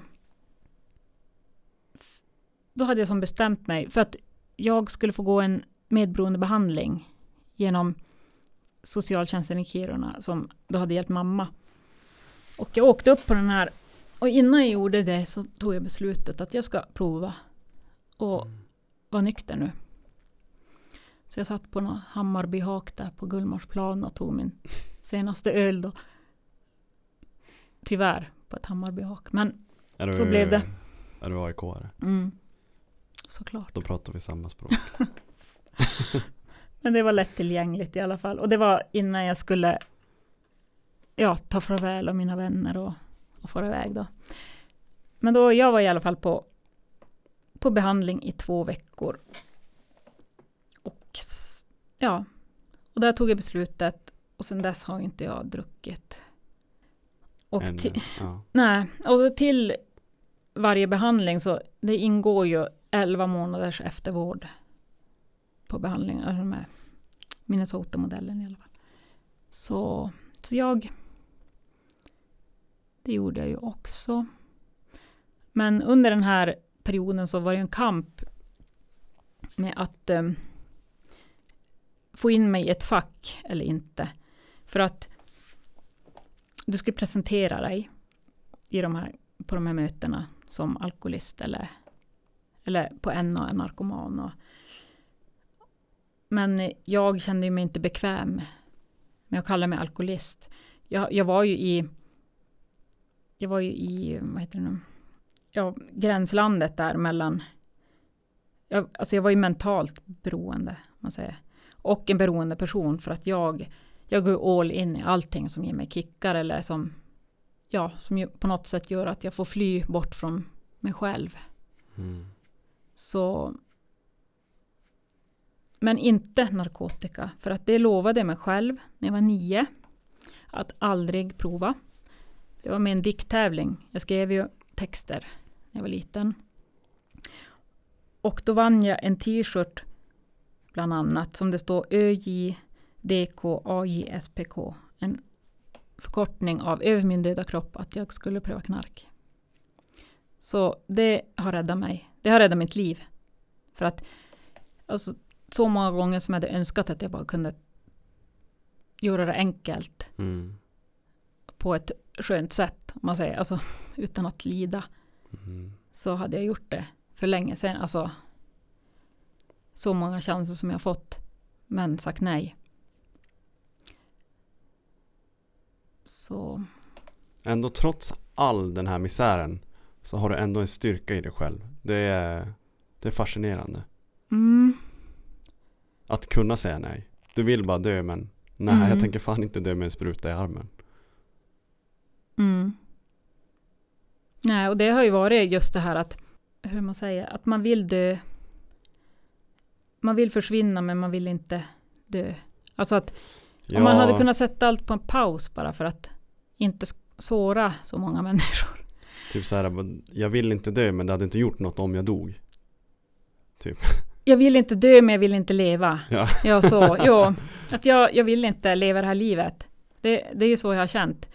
Det här är inte för mig, det är något skämt alltså.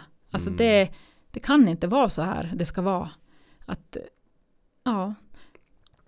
Så, men, men det blev ju inte bra bara för att jag slutade dricka utan psyket har ju ett sätt att jobba på som man inte är medveten om alltid kanske. Men det var klart att min hjärna och min kropp försökte hitta andra sätt att skada mig på. Så att jag slutade äta, bland annat. Eh, och ätstörningar är väl någonting som har gått i vågor hela mitt liv, kan man säga. Från jag var väldigt liten. Eftersom jag hatar mig själv så har jag hatat min kropp också, oavsett. Och jag, slut, ja, jag slutade ju äta i perioder. Men har alltid klarat mig ändå med bra värden och sådär i, i kroppen. Och, så att, men jag var ju smal och lycklig. tyckte jag. Det var ju, det var väl det som var målet.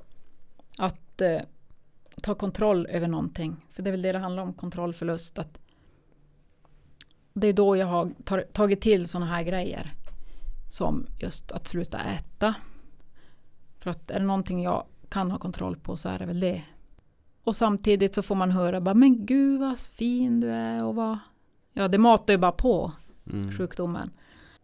Och sen när jag hade varit nykter i ett år. Då kände jag bara nej nu jävlar nu, nu tar jag heroin eller någonting. Alltså nu. Det var som att den där ettårsdagen var så jäkla tung. För det var någonstans att nu har det gått så lång tid att att jag kan inte göra mot mig själv. Alltså jag kan inte vara så taskig att jag nu drar i mig någonting. Och då kommer känslan av att shit, kommer jag aldrig att få kunna fly? Alltså hur fan ska jag göra? Alltså det var som jättehemskt. Men då hade jag ju, eftersom jag bodde i Stockholm som är så fantastiskt med alla de här grupperna som finns, att jag hade ju så svårt att förlika mig med med anonyma alkoholisters möten. Men genom, genom den här behandlingen som jag gjorde så, så var det ju möten som gällde, de här medberoende mötena, Alanon och sådär. Men eftersom jag hade slutat dricka så, så kände jag ju att jag behöver ju träffa andra ungdomar som inte dricker. Och i Stockholm finns det jättemycket grupper. Bland annat då YPA, Young People in AA, som jag gick på. Och samtidigt var det många därifrån som gick på NA. Och där är väl, det är väl de, eller där jag har känt mig som mest hemma, man säger, av de här mötena. Eh, jo, för där får jag presentera mig som beroende. Och för det känns ju som att det passar. Det är sant. Ja, att beroende. För det är jag. So call me a cynic, call me a bummer. I don't wanna be that way anymore. This life that I've been living,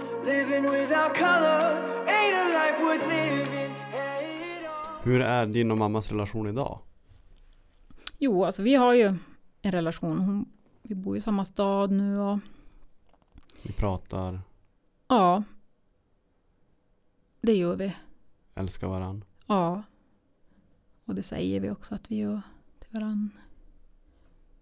Fast det är, Känns det Ja. fortfarande la- känns det laddat på något sätt? Jo, det, alltså det gör det ju. För att vi har ju inte, dels det här att hon har ju väntat på den här konfrontationen. Att jag ska konfrontera henne. Mm. Ehm, och visst hade jag väl kunnat göra det, men jag känner inte ilska. Trots allt som hon har gjort.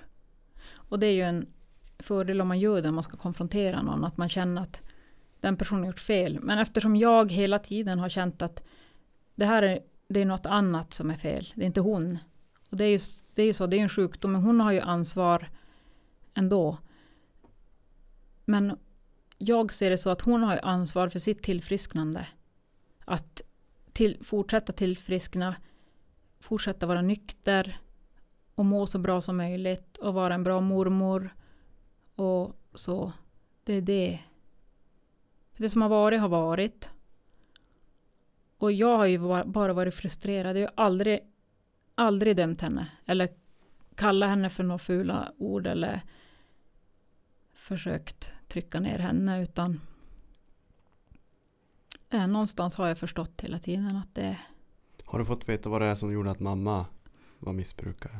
alltså det är ju det är ju dels ärftligt Mm. och det finns ju olika arv, alltså socialt arv och genetiskt och ja, kulturellt. Det, det är som det är nog allt.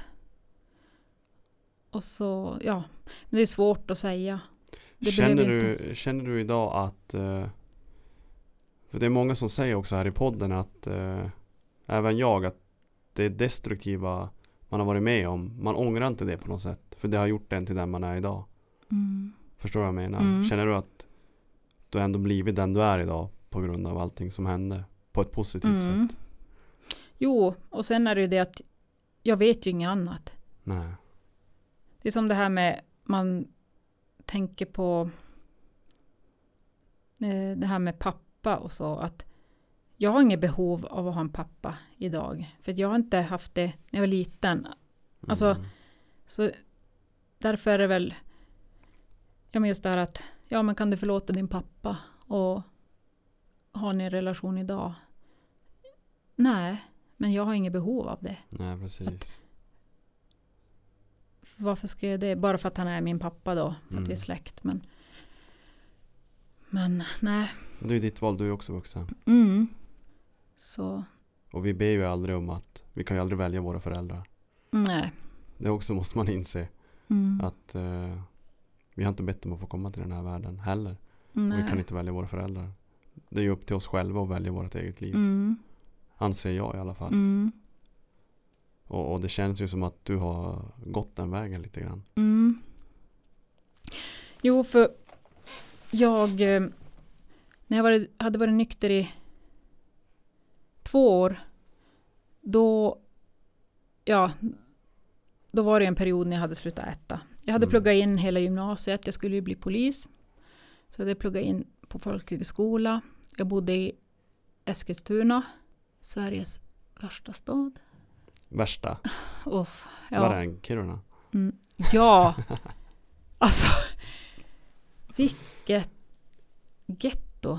Alltså det, Alltså, Ja, ja. det var har, hemskt. Har du bott i Kalix någon gång? Nej, Okej. men de har ju i alla fall haft bra skolor.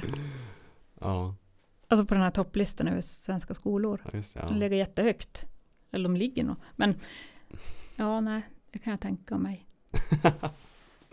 Men Eskilstuna, nej, det, det, för jag har ändå testat åtta städer då i Sverige. Så.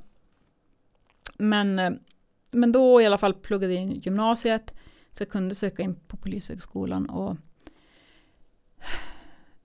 men då hade jag slutat äta. Min mamma sa, för hon bodde i Gävle, hon sa, nu, när du har gått ut skolan så kommer du upp till Gävle så ska vi ordna hjälp åt dig. Och då åkte jag upp till Gävle, klev in på Gävles beroendecentrum. Där gjorde de sådana addis-test och sånt. Över. Mm. Och då hade jag ändå varit nykter i två år. Men jag har ju fortsatt dyssa i två år. Och, och då skickade de mig, ja det tog fyra dagar så hämtade jag en taxi med och körde ut mig till Glösbo till, och primärvårdsbehandling i fem veckor. Så det fick jag göra då.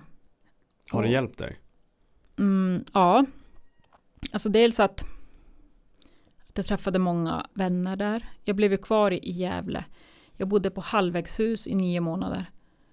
Fast jag hade ju, ja, jag hade ju inget boende eftersom jag kom ifrån Eskilstuna. Men, men jag hade ju inte supit bort mitt eh, boende eller så. Men dels så fick jag hjälp med maten och rutiner och, och sådär. Och träffade ju en killkompis där på behandlingen som ja, vi blev jättebra vänner i alla fall. Så, och han skulle ju bo där. Så, att, så då bodde jag där i nio månader.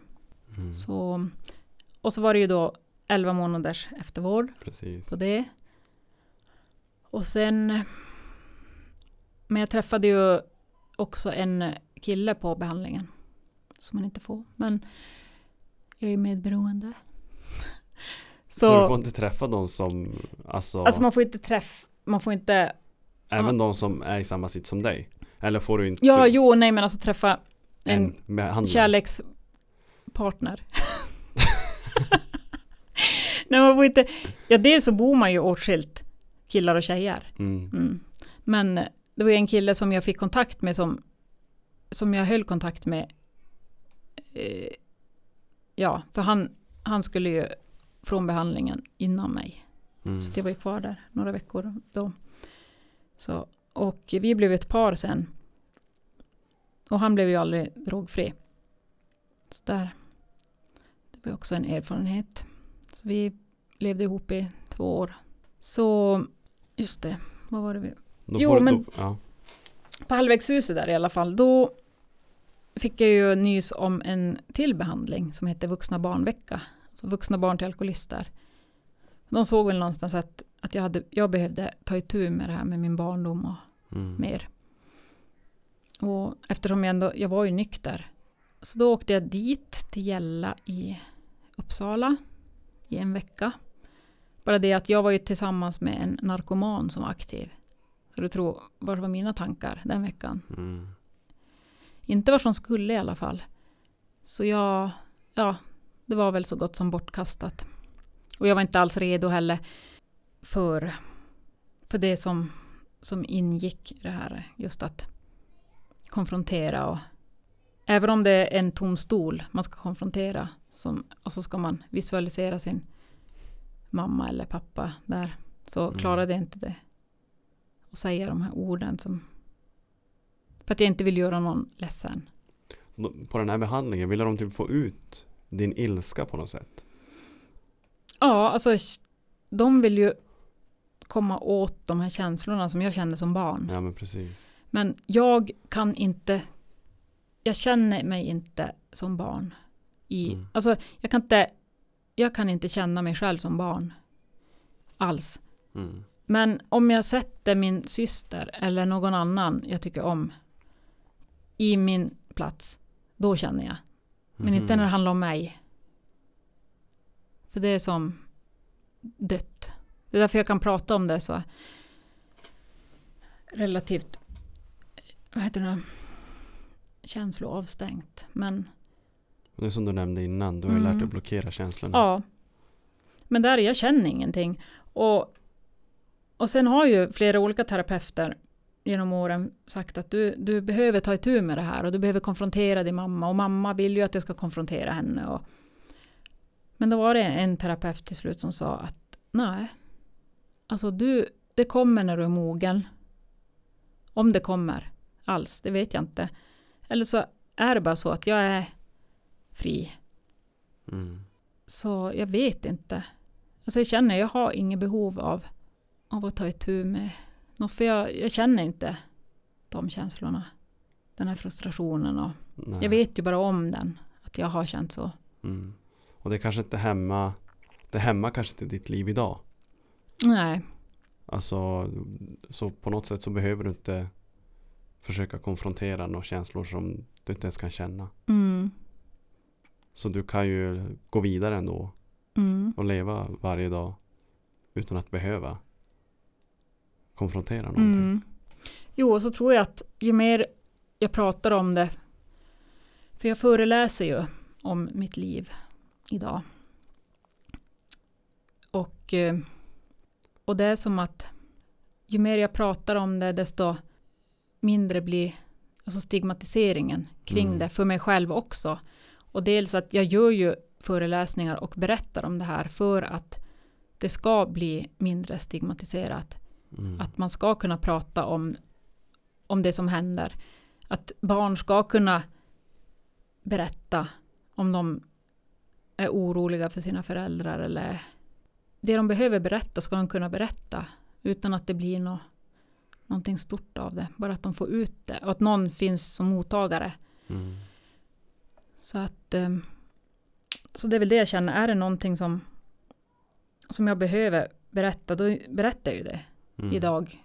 Utan rädsla för att bli lämnad eller såra eller utan jag, jag är vuxen idag och jag har ansvar över mitt. Och det är min historia, Mm. ingen annans. Och är ingen- helt rätt. mm. Men när du säger att du kan blockera känslor, jag tänker hur kan du kan du bli kär igen? kan har du sådana känslor? Kan du få de här glada känslorna Mm. utan att blockera dem? Jo, men då är det ju också, det är ju den här när det kickar, alltså första, det är väl då jag känner som mest, men sen när rädslor och så kommer, då är det ju svårare, alltså, för då är det ju så lätt att ta till gamla knep som Mm. man har haft för att, för att inte bli sårad och, men det är också någonting som man har lärt sig med åren, nu när man är så gammal. Så gammal, Helt plötsligt. 43 år. Jo, jo men Jo, gammal. Du har väl ändå minst halva livet kvar. Ja, jo. Kanske. Det är helt sjukt. Mm. Hur, hur gammal ska du bli? Har du tänkt? Ja, Jag siktar på 100. ja. Jo, det hade varit hemskt att bli 99. Nej, då är det 100. Men jag blir det före dig då. det kommer du bli före mig. Många år. Många år. 43, Mm. då är man 77 år. 77. Du är bara två år yngre än min mamma. Oj! Och jag blir 28 om två veckor. Jaha. Så att ja, mamma var 16. Oj. Ja, ja. Då först. Jag tänkte väl bara, Hon var ung. Och jag Ja. var ung. Jag var 20 när jag blev pappa. Så Mm. mamma var 36, 37 när hon blev Mm. farmor. Bara det är också lite fascinerande. Ja. Men det, det finns ju många sådana fall. Jo. Alltså man vet lite här och där. Polarns morsa var 17 och Mm. sådär. När jag fick barn när jag var, mitt första när jag var 30. Så jag Kändes det rätt? Då kändes det rätt. Jag hade ju inte haft någon barnlängtan eller jag kände ju inte till barn. Alltså jag har ju aldrig Mm. varit bland barn. Men, men jag flyttade upp till Kiruna och träffade ju min första kärlek igen Mm. och blev gravid. Så att, Din första kärlek igen, var det samma Mm. kille som mm, från förr? mm. Så att vi hade ju inte gjort något avslut då. okej. Mm. Och Så ni har som hållit, hållit kontakt då i alla år? nej, Eller blev det bara att ni började mm, snacka nej vi hade igen? inte haft kontakt på massor av år. Hur, hur kom ni i Mm. kontakt igen då? På krogen? Nej, nej för Men- jag var ju nykter. Ja, du var ju nykter. Fast Ja. man kan gå och dansa nykter. Ja, jo, men eh, nej, men det var väl det att alltså jag minns inte ens. Dating app. Det kanske hade kommit på. Nej, jag hade inte heller. nej, men jag bodde ju i då bodde jag i Tänndalen helt plötsligt. Ja. Jag bodde där ett par månader i alla fall. Men jag, jag åkte upp till Kiruna i alla fall. Och sen, ja, jag blev gravid och, och när hon var åtta månader så blev jag gravid igen. Så att det är ett och ett halvt år mellan mina två första då. Mm. Var Och det här sen- planerat? Eller blev det bara? Nej, nej, nej, det var inte planerat. Så det, Men ni behöll, ni körde på. ja, och vi lever ju inte ihop idag då. Men, Okej. Så nu, tr- tredje är ju... Med, med en ny. Mm. Okej, ja ja. Mm. Jag tänkte att ni höll ihop den här första kärleken. Jaha, nej. Nej, men vi fick ju göra ett riktigt avslut i alla fall. Ja ja. Ja. Mm. Och så två barn. Så det blev ju bra. Mm. Såklart. Som en saga. Som en saga för god för att vara sann. Både hemskt och fint att höra din berättelse. Skulle jag vilja säga. Känner du att det är någonting du hade velat tillägga angående din livsberättelse? Eller kan vi gå igenom ditt lilla projekt som vi ändå också hade tänkt ta Mhm. upp? Jo, men det kan vi göra. För du är ju du och Mikaela, nu vi Mm. pro- kanske skulle ha med henne men vi tänker att i framtiden så kör vi med Mikaela också, din partner. Mm. Berätta vad det är du är involverad i och vad det är som komma skall. Ja. Jo, 2018 så kontaktade jag en barnrättsorganisation som heter Trygga Barnen som finns i Stockholm. Eh, de har då verksamhet i Stockholm och, eh, och chatt. Där de hjälper barn och unga upp till 25 år som, som växer upp i missbruk. Och jag tänkte att om det finns någonting jag kan göra så, så gör jag det Känner mig redo och sådär. Och då, då fick jag gå en utbildning till Trygg Hjälte, som de heter. Och min eh, uppgift är att eh, vara en länk mellan barnet och hjälpen och stödet i kommunen. Så det drog jag igång då i, i oktober 2018. Och i januari så då hade jag så mycket, mycket samtal, eller chatt, samtal från barn i Kiruna kommun och Gällivare kommun. Så jag kände att jag måste få hjälp med mer folk. Så då kom Mika, Mikaela med in i bilden. Och det ni Och- vill göra nu är att Ja, nu vill vi vi, vi håller på att starta upp en verksamhet i Kiruna. mm, Det blir den första utanför Stockholm då. precis.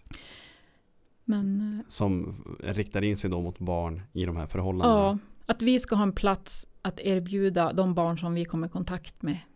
Alltså en mötesplats som, som man bara kan vara på. Vi kommer att ha eh, något som kallas tryggt häng. Man får komma dit och, och vara, bara vara. Göra, ja, vi kommer ha lite olika aktiviteter. Trygga grupper. Vars vi pratar om olika ämnen. Och, och tacofredagar. Mhm, Vi är sponsrade av Santa Maria Se där. mm. och av Kavli. Vi är också sponsrade. Så, att, eh, så det kommer vi ha. Bland annat. Och så trygga lov. Vi kommer ha aktiviteter. För vi har ju något jättebra här i Kiruna och det är ju Ungdomens hus. Mm. Som har mycket för, för unga. Men det är ju från 12-13 år och uppåt. Så att vi vill ju nå de här yngre barnen. Men även de äldre då. Och hur eh, når man ut till er? Det här har ju inte startat än, men det är ju på gång va? Mm. Jo, och det kommer vi då som sagt med mer information om. Men eh, som det är nu så har vi ju, dels har vi chatt Ja. söndagar 18 till 20 här i Ki- alltså Kiruna-chatten då.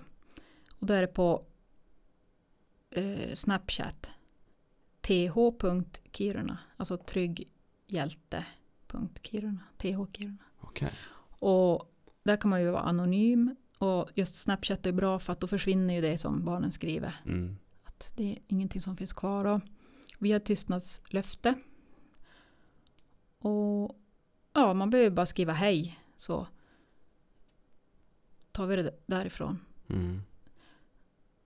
Och ja, vad mer? Och sen har vi ju Trygga Barnen chatten, alltså stora chatten som vi har. Och det är ju, då går man på Instagram eller Snapchat och då är det ju Trygga Barnen.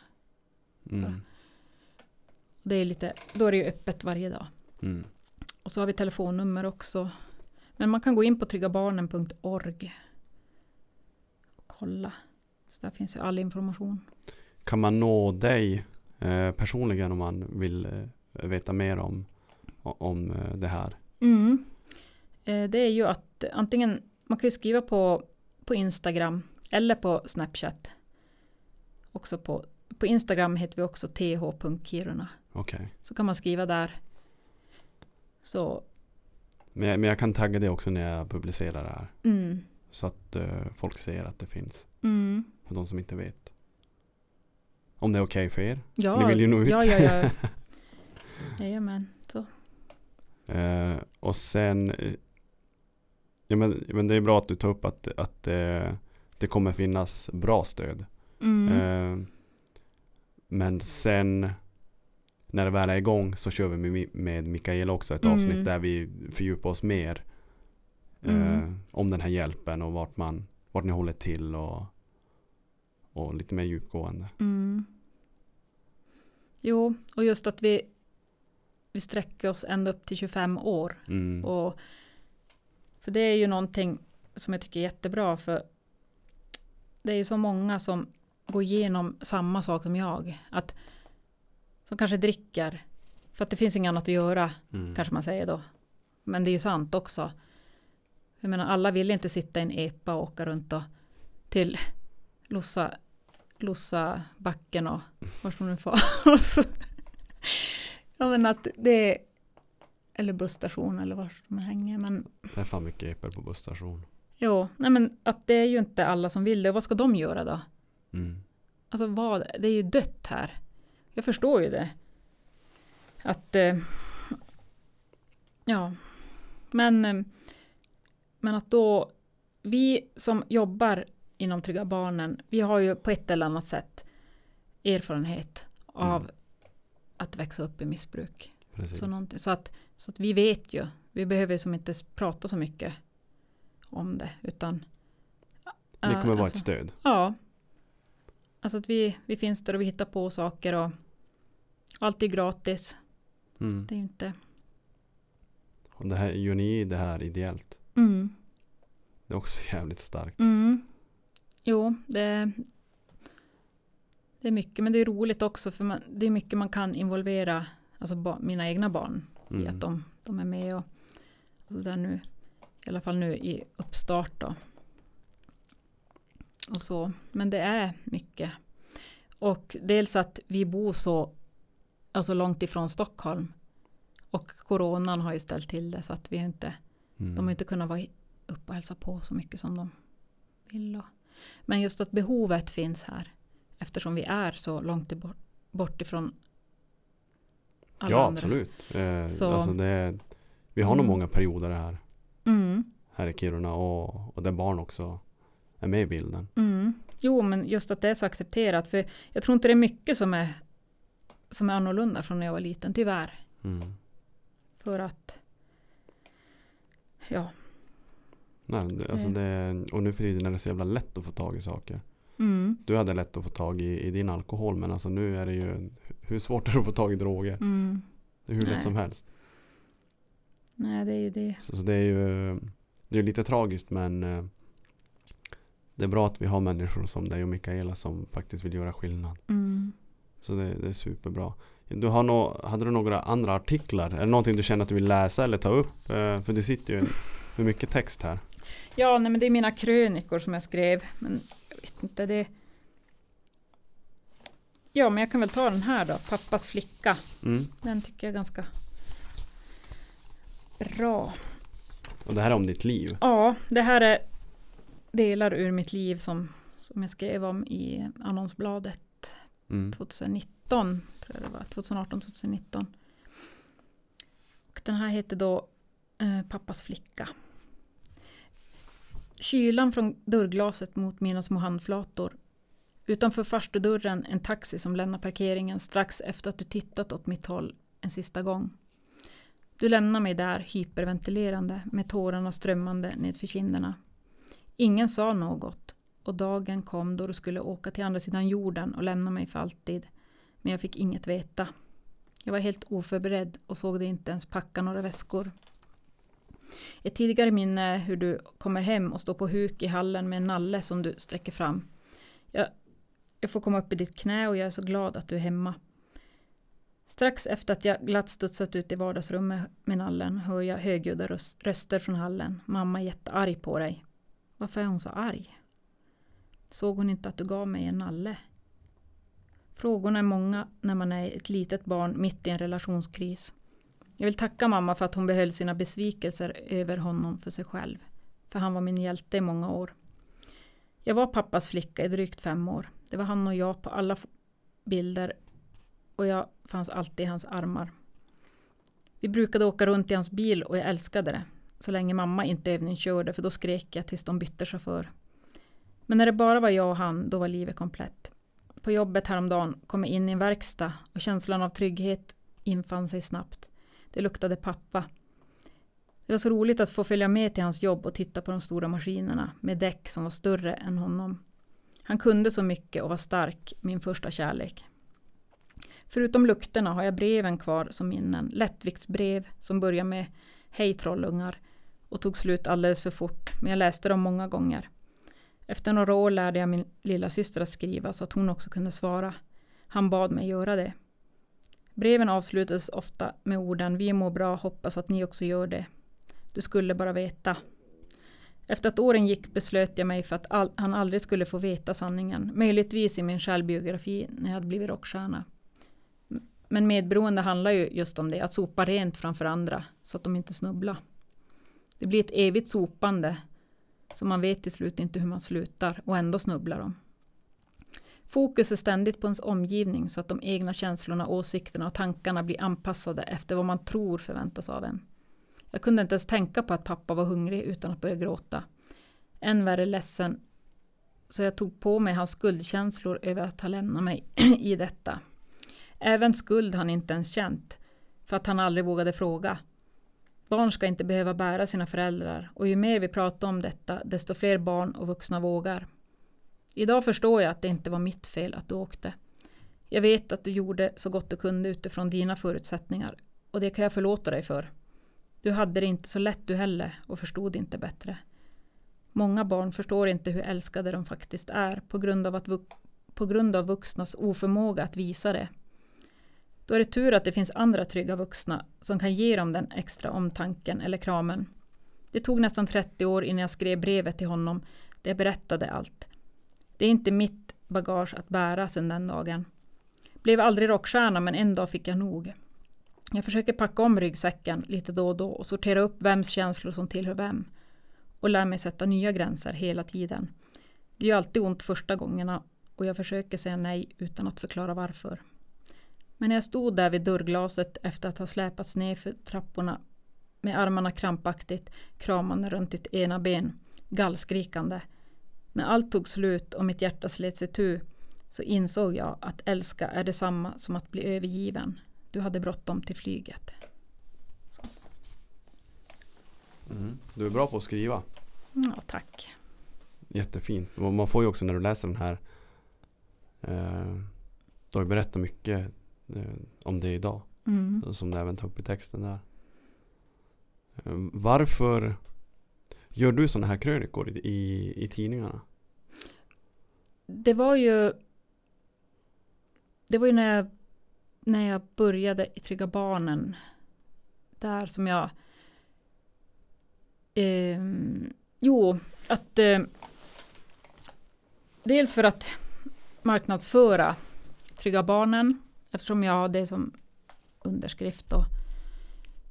Eh, och att när vi söker nya volontärer och just att mm, då vuxna som läser de här och känner igen sig de, så att de vet också att de, de har ju någonting att bidra med. Och eh, eftersom det inte är barn som läser annonsbladet utan det är vuxna. Och Mm. det är jättemånga som har hört av sig efter, efter de här krönikorna. Jag skrev ju en till att börja med men sen, sen så sa de på annonsbladet de ville att jag skriver fler för att det var så många som hade Mhm. hört av sig. Så, så jag skrev fem stycken. Det är lite häftigt. Mm. Svin, jag tycker det är svinroligt. Och s- s- f- människor som har din, jag menar din bakgrund och din historia, alltså för all del, det måste ut. Mm. Känner jag, för jag känner ju samma med min. Mm. Istället för att bara dö med min historia och allt jag varit med om så kan jag kanske hjälpa någon. Mm. Så jag är, det känns svinroligt. Mm. Jo, det är viktigt. Att dela med sig av allt. Alltså det som är verkligheten. Våga prata. Mm. Prata om allt. Mm. Det är så jävla viktigt. Mm. Och våga, våga söka hjälp om man behöver hjälp. Mm. Och det är det som är problemet, att, att man vet inte. Och ibland finns det inte hjälp. Alltså, Mm. för att vi bor ju så pass utsatt här uppe också, att vi har svårt att få rätt stöd och hjälp. Och det gäller ju Mm. alla, främst barnen, som inte ens har, de har ju ingen att vända sig till. Det finns Precis. inga ombud i Mm. kommunen. De har inget fackförbund som vi har på jobbet, om de mår dåligt. Mm. Alltså de har ingen. Så att så därför är det just det här att vi, vi har kartlagt, jag och Mik- Mikaela har kartlagt i kommunen allt stöd som finns för olika Mm. saker. Så, så att vi vet när barn hör av sig att okej, så ger vi kontaktuppgifter eller så hjälper vi dem. Vi kan följa med på möten Mm. på SOS. Eller så att vi kan vara som en hjälpande hand. Precis, en tredje Mm. part där. Mm. Mm. Är jättefint. Och, jag, jag vågar väl tro på det där. Mm. Jag känner väl direkt bara fan, jag måste ju också vara involverad typ. Jo, du är Men- välkommen. Nej men det, det ser jag ljus på. Det ska bli kul att se när det väl startar så att Mm. säga. Och hur det, hur det urartar sig. Och så får ju vi träffas en gång till tycker jag. Mm. Verkligen. Med Mikaela. Ehm, innan vi avslutar My så eh, brukar jag alltid fråga. Nu när alla fått höra din livshistoria. Mm. Vad kan vi få utav dig då My? Liksom om du får sätta din prägel på livet. Vad skulle du vilja säga kortfattat man ska tänka på här i livet? Tips och tricks. Ja. Det, kan, det här brukar det bli Ja. mycket klyschor men. ja, nej, jag gillar inte klyschor. nej, jag ska vara så himla speciell så jag tar aldrig till klyschor. Mm. Nej, men jag vet faktiskt inte. Alltså, Det var en jättesvår fråga, jag har aldrig ens tänkt på det. För jag är så impulsstyrd. Alltså jag, jag kör ju på volley hela tiden. Mm. Alltså det, Du får inga första tankar när du tänker att eh, ja men tänk på det här. Följ magkänslan. Följ jo, ditt men att hjärta. det, jo, en sak, det är väl det att inte vara så himla rädd för känslor. Alltså, ångest, det är bara en känsla. Jag säger Mm. det är bara en känsla, för det är bara en känsla. Det är inte värre än så. Mm. Alltså konflikter. Det är inte heller något att vara rädd för, för det är känslor. Att vara oense. Alltså det finns så mycket rädslor, eller att man har olika åsikter. Det är bara att se politiskt vad som händer. Det är så mycket, alltså det är som sandlådenivå. Mm. För att det handlar om känslor. Mm. Så antingen ska man hålla på och traggla med känslor. Då får man helt enkelt tänka på det. Att det är inte värre än så. Mm. Eller så gör man som jag och stänger av. nej, nej, man... Ja. Nej men det är inte. Det är inte värre än så. Nej. Hur ska man lösa det då? Men för vissa, för vissa känslor kan vara så här, men fan det kommer ju aldrig bli bra. Mm, jag kommunicera. Mm, Jag menar, nu- prata. Det finns ju så himla många sätt att kommunicera idag. Som jag gillar ju inte att prata i telefon. Men jag gör ju det när jag måste såklart. Mm. jobbet och sådär. Men det är ju ingenting som jag väljer. Och speciellt inte när jag prat, alltså, pratar om känslor. Eller om det är någonting speciellt. Men skriva kan man göra. Typ dagbok då eller? Ja, eller skriva ett brev eller skriva en text eller skriva chatta. Mm. Alltså bara att man får ut det till någon. För att så fort du har satt ord på det, mm. det du känner, det, då ändrar det ju form. Oftast. Mm. Så. Men det är bra också att säga det verbalt, för då hör du ju också. Du Absolut. får ju som två, Jag håller med. ja så. Men, men just kommunikation och så att skippa rädslor. Rädslor förstör och hämmar så mycket. Mm. Det är oftast rädslan som, som krossar våra drömmar. Mm, För att vi inte vågar göra någonting. mm. Och Till skapa exempel. hat och Mm. allt det är rädslor. Mm. Ja. Men det är bra ändå. Det behöver inte vara mycket svårare än så. Nej, Vår sista fråga då. Drömmarna, planer om fem år. Vad har du för drömmar? Ja, alltså jag, håller, jag pluggar ju också. Så att det är ju en examen då i så fall. Och det, det har jag ju inom fem år. Mm. Vad är du utbildad då? Mm, ja, det vet jag inte. Du vet inte. Det får vi se. Nej. Nej, men jag läser ju lite allt möjligt. Men det handlar väl om, ja men jag är lite intresserad av det här med konflikthantering och Mm. förändringsarbete och sånt. Sånt som skapar mycket konflikter och, Mm. och ja, beteenden helt enkelt. Så det är väl någon sorts beteendevetare. Men eh, ja, något sånt. Mm. Ska du bo kvar i Kiruna? Nej, det, det vet jag inte riktigt. Kanske inte. Om fem år. Mm. Men eh, jag får väl se vad som händer med, med allt. Med gruvan och Just det. Mm. det är ju där jag jobbar. Det är bara att sälja huset och sticka. Gruvan. Jo, jo, jo om det bara hade varit det så. Men eh, nej, men det får vi se. Men det är tur att man kan plugga på distans och Mm. man har mycket valmöjligheter idag. Mm. Så är det. Mm. Du kan bli exakt vad fan du vill. Ja, Till och med rockstar. ja Kanske- kanske de chanserna är nog körda. Jag hade mina chanser där. Men tänk att faktiskt. Justin Bieber, alltså han, han börjar på YouTube. Det är Mm. många som bara börjar på YouTube. Som blir Mm. YouTube-kändisar och sen idag så turnerar de världen. Men då var det ju några år sedan han gjorde det också. Det är ju det. Alltså- jo, När det är nytt just. Eller nytt, men alltså bland de första. alltså förstå hur det kan jag tänka på. Alltså när man har tid över att tänka bara Mm. så här, när man tänker på annat. Bara så fan, vissa människor alltså. Mm. Vilken jävla resa. Bara av rätt eh, liksom plats på rätt tillfälle. Mm. Jo, men jag har ju också varit det. Men jag har inte vågat. Mm. Alltså jag har fått mina chanser. Jag har varit på, jag träffar rätt folk. Eh, till och med Björn och Benny. Har du träffat dem? Mm. Har du gjort musik med dem? Nej. Det har jag inte. Men jag har träffat dem och eh, han pratade, en av dem pratade med mig men jag hade ju festat dagen innan så jag hade ingen röst. så det var, det var en sån miss och jag var jättebakis. Men jag har ju jag har träffat rätt personer som har gett mig chanser Mm.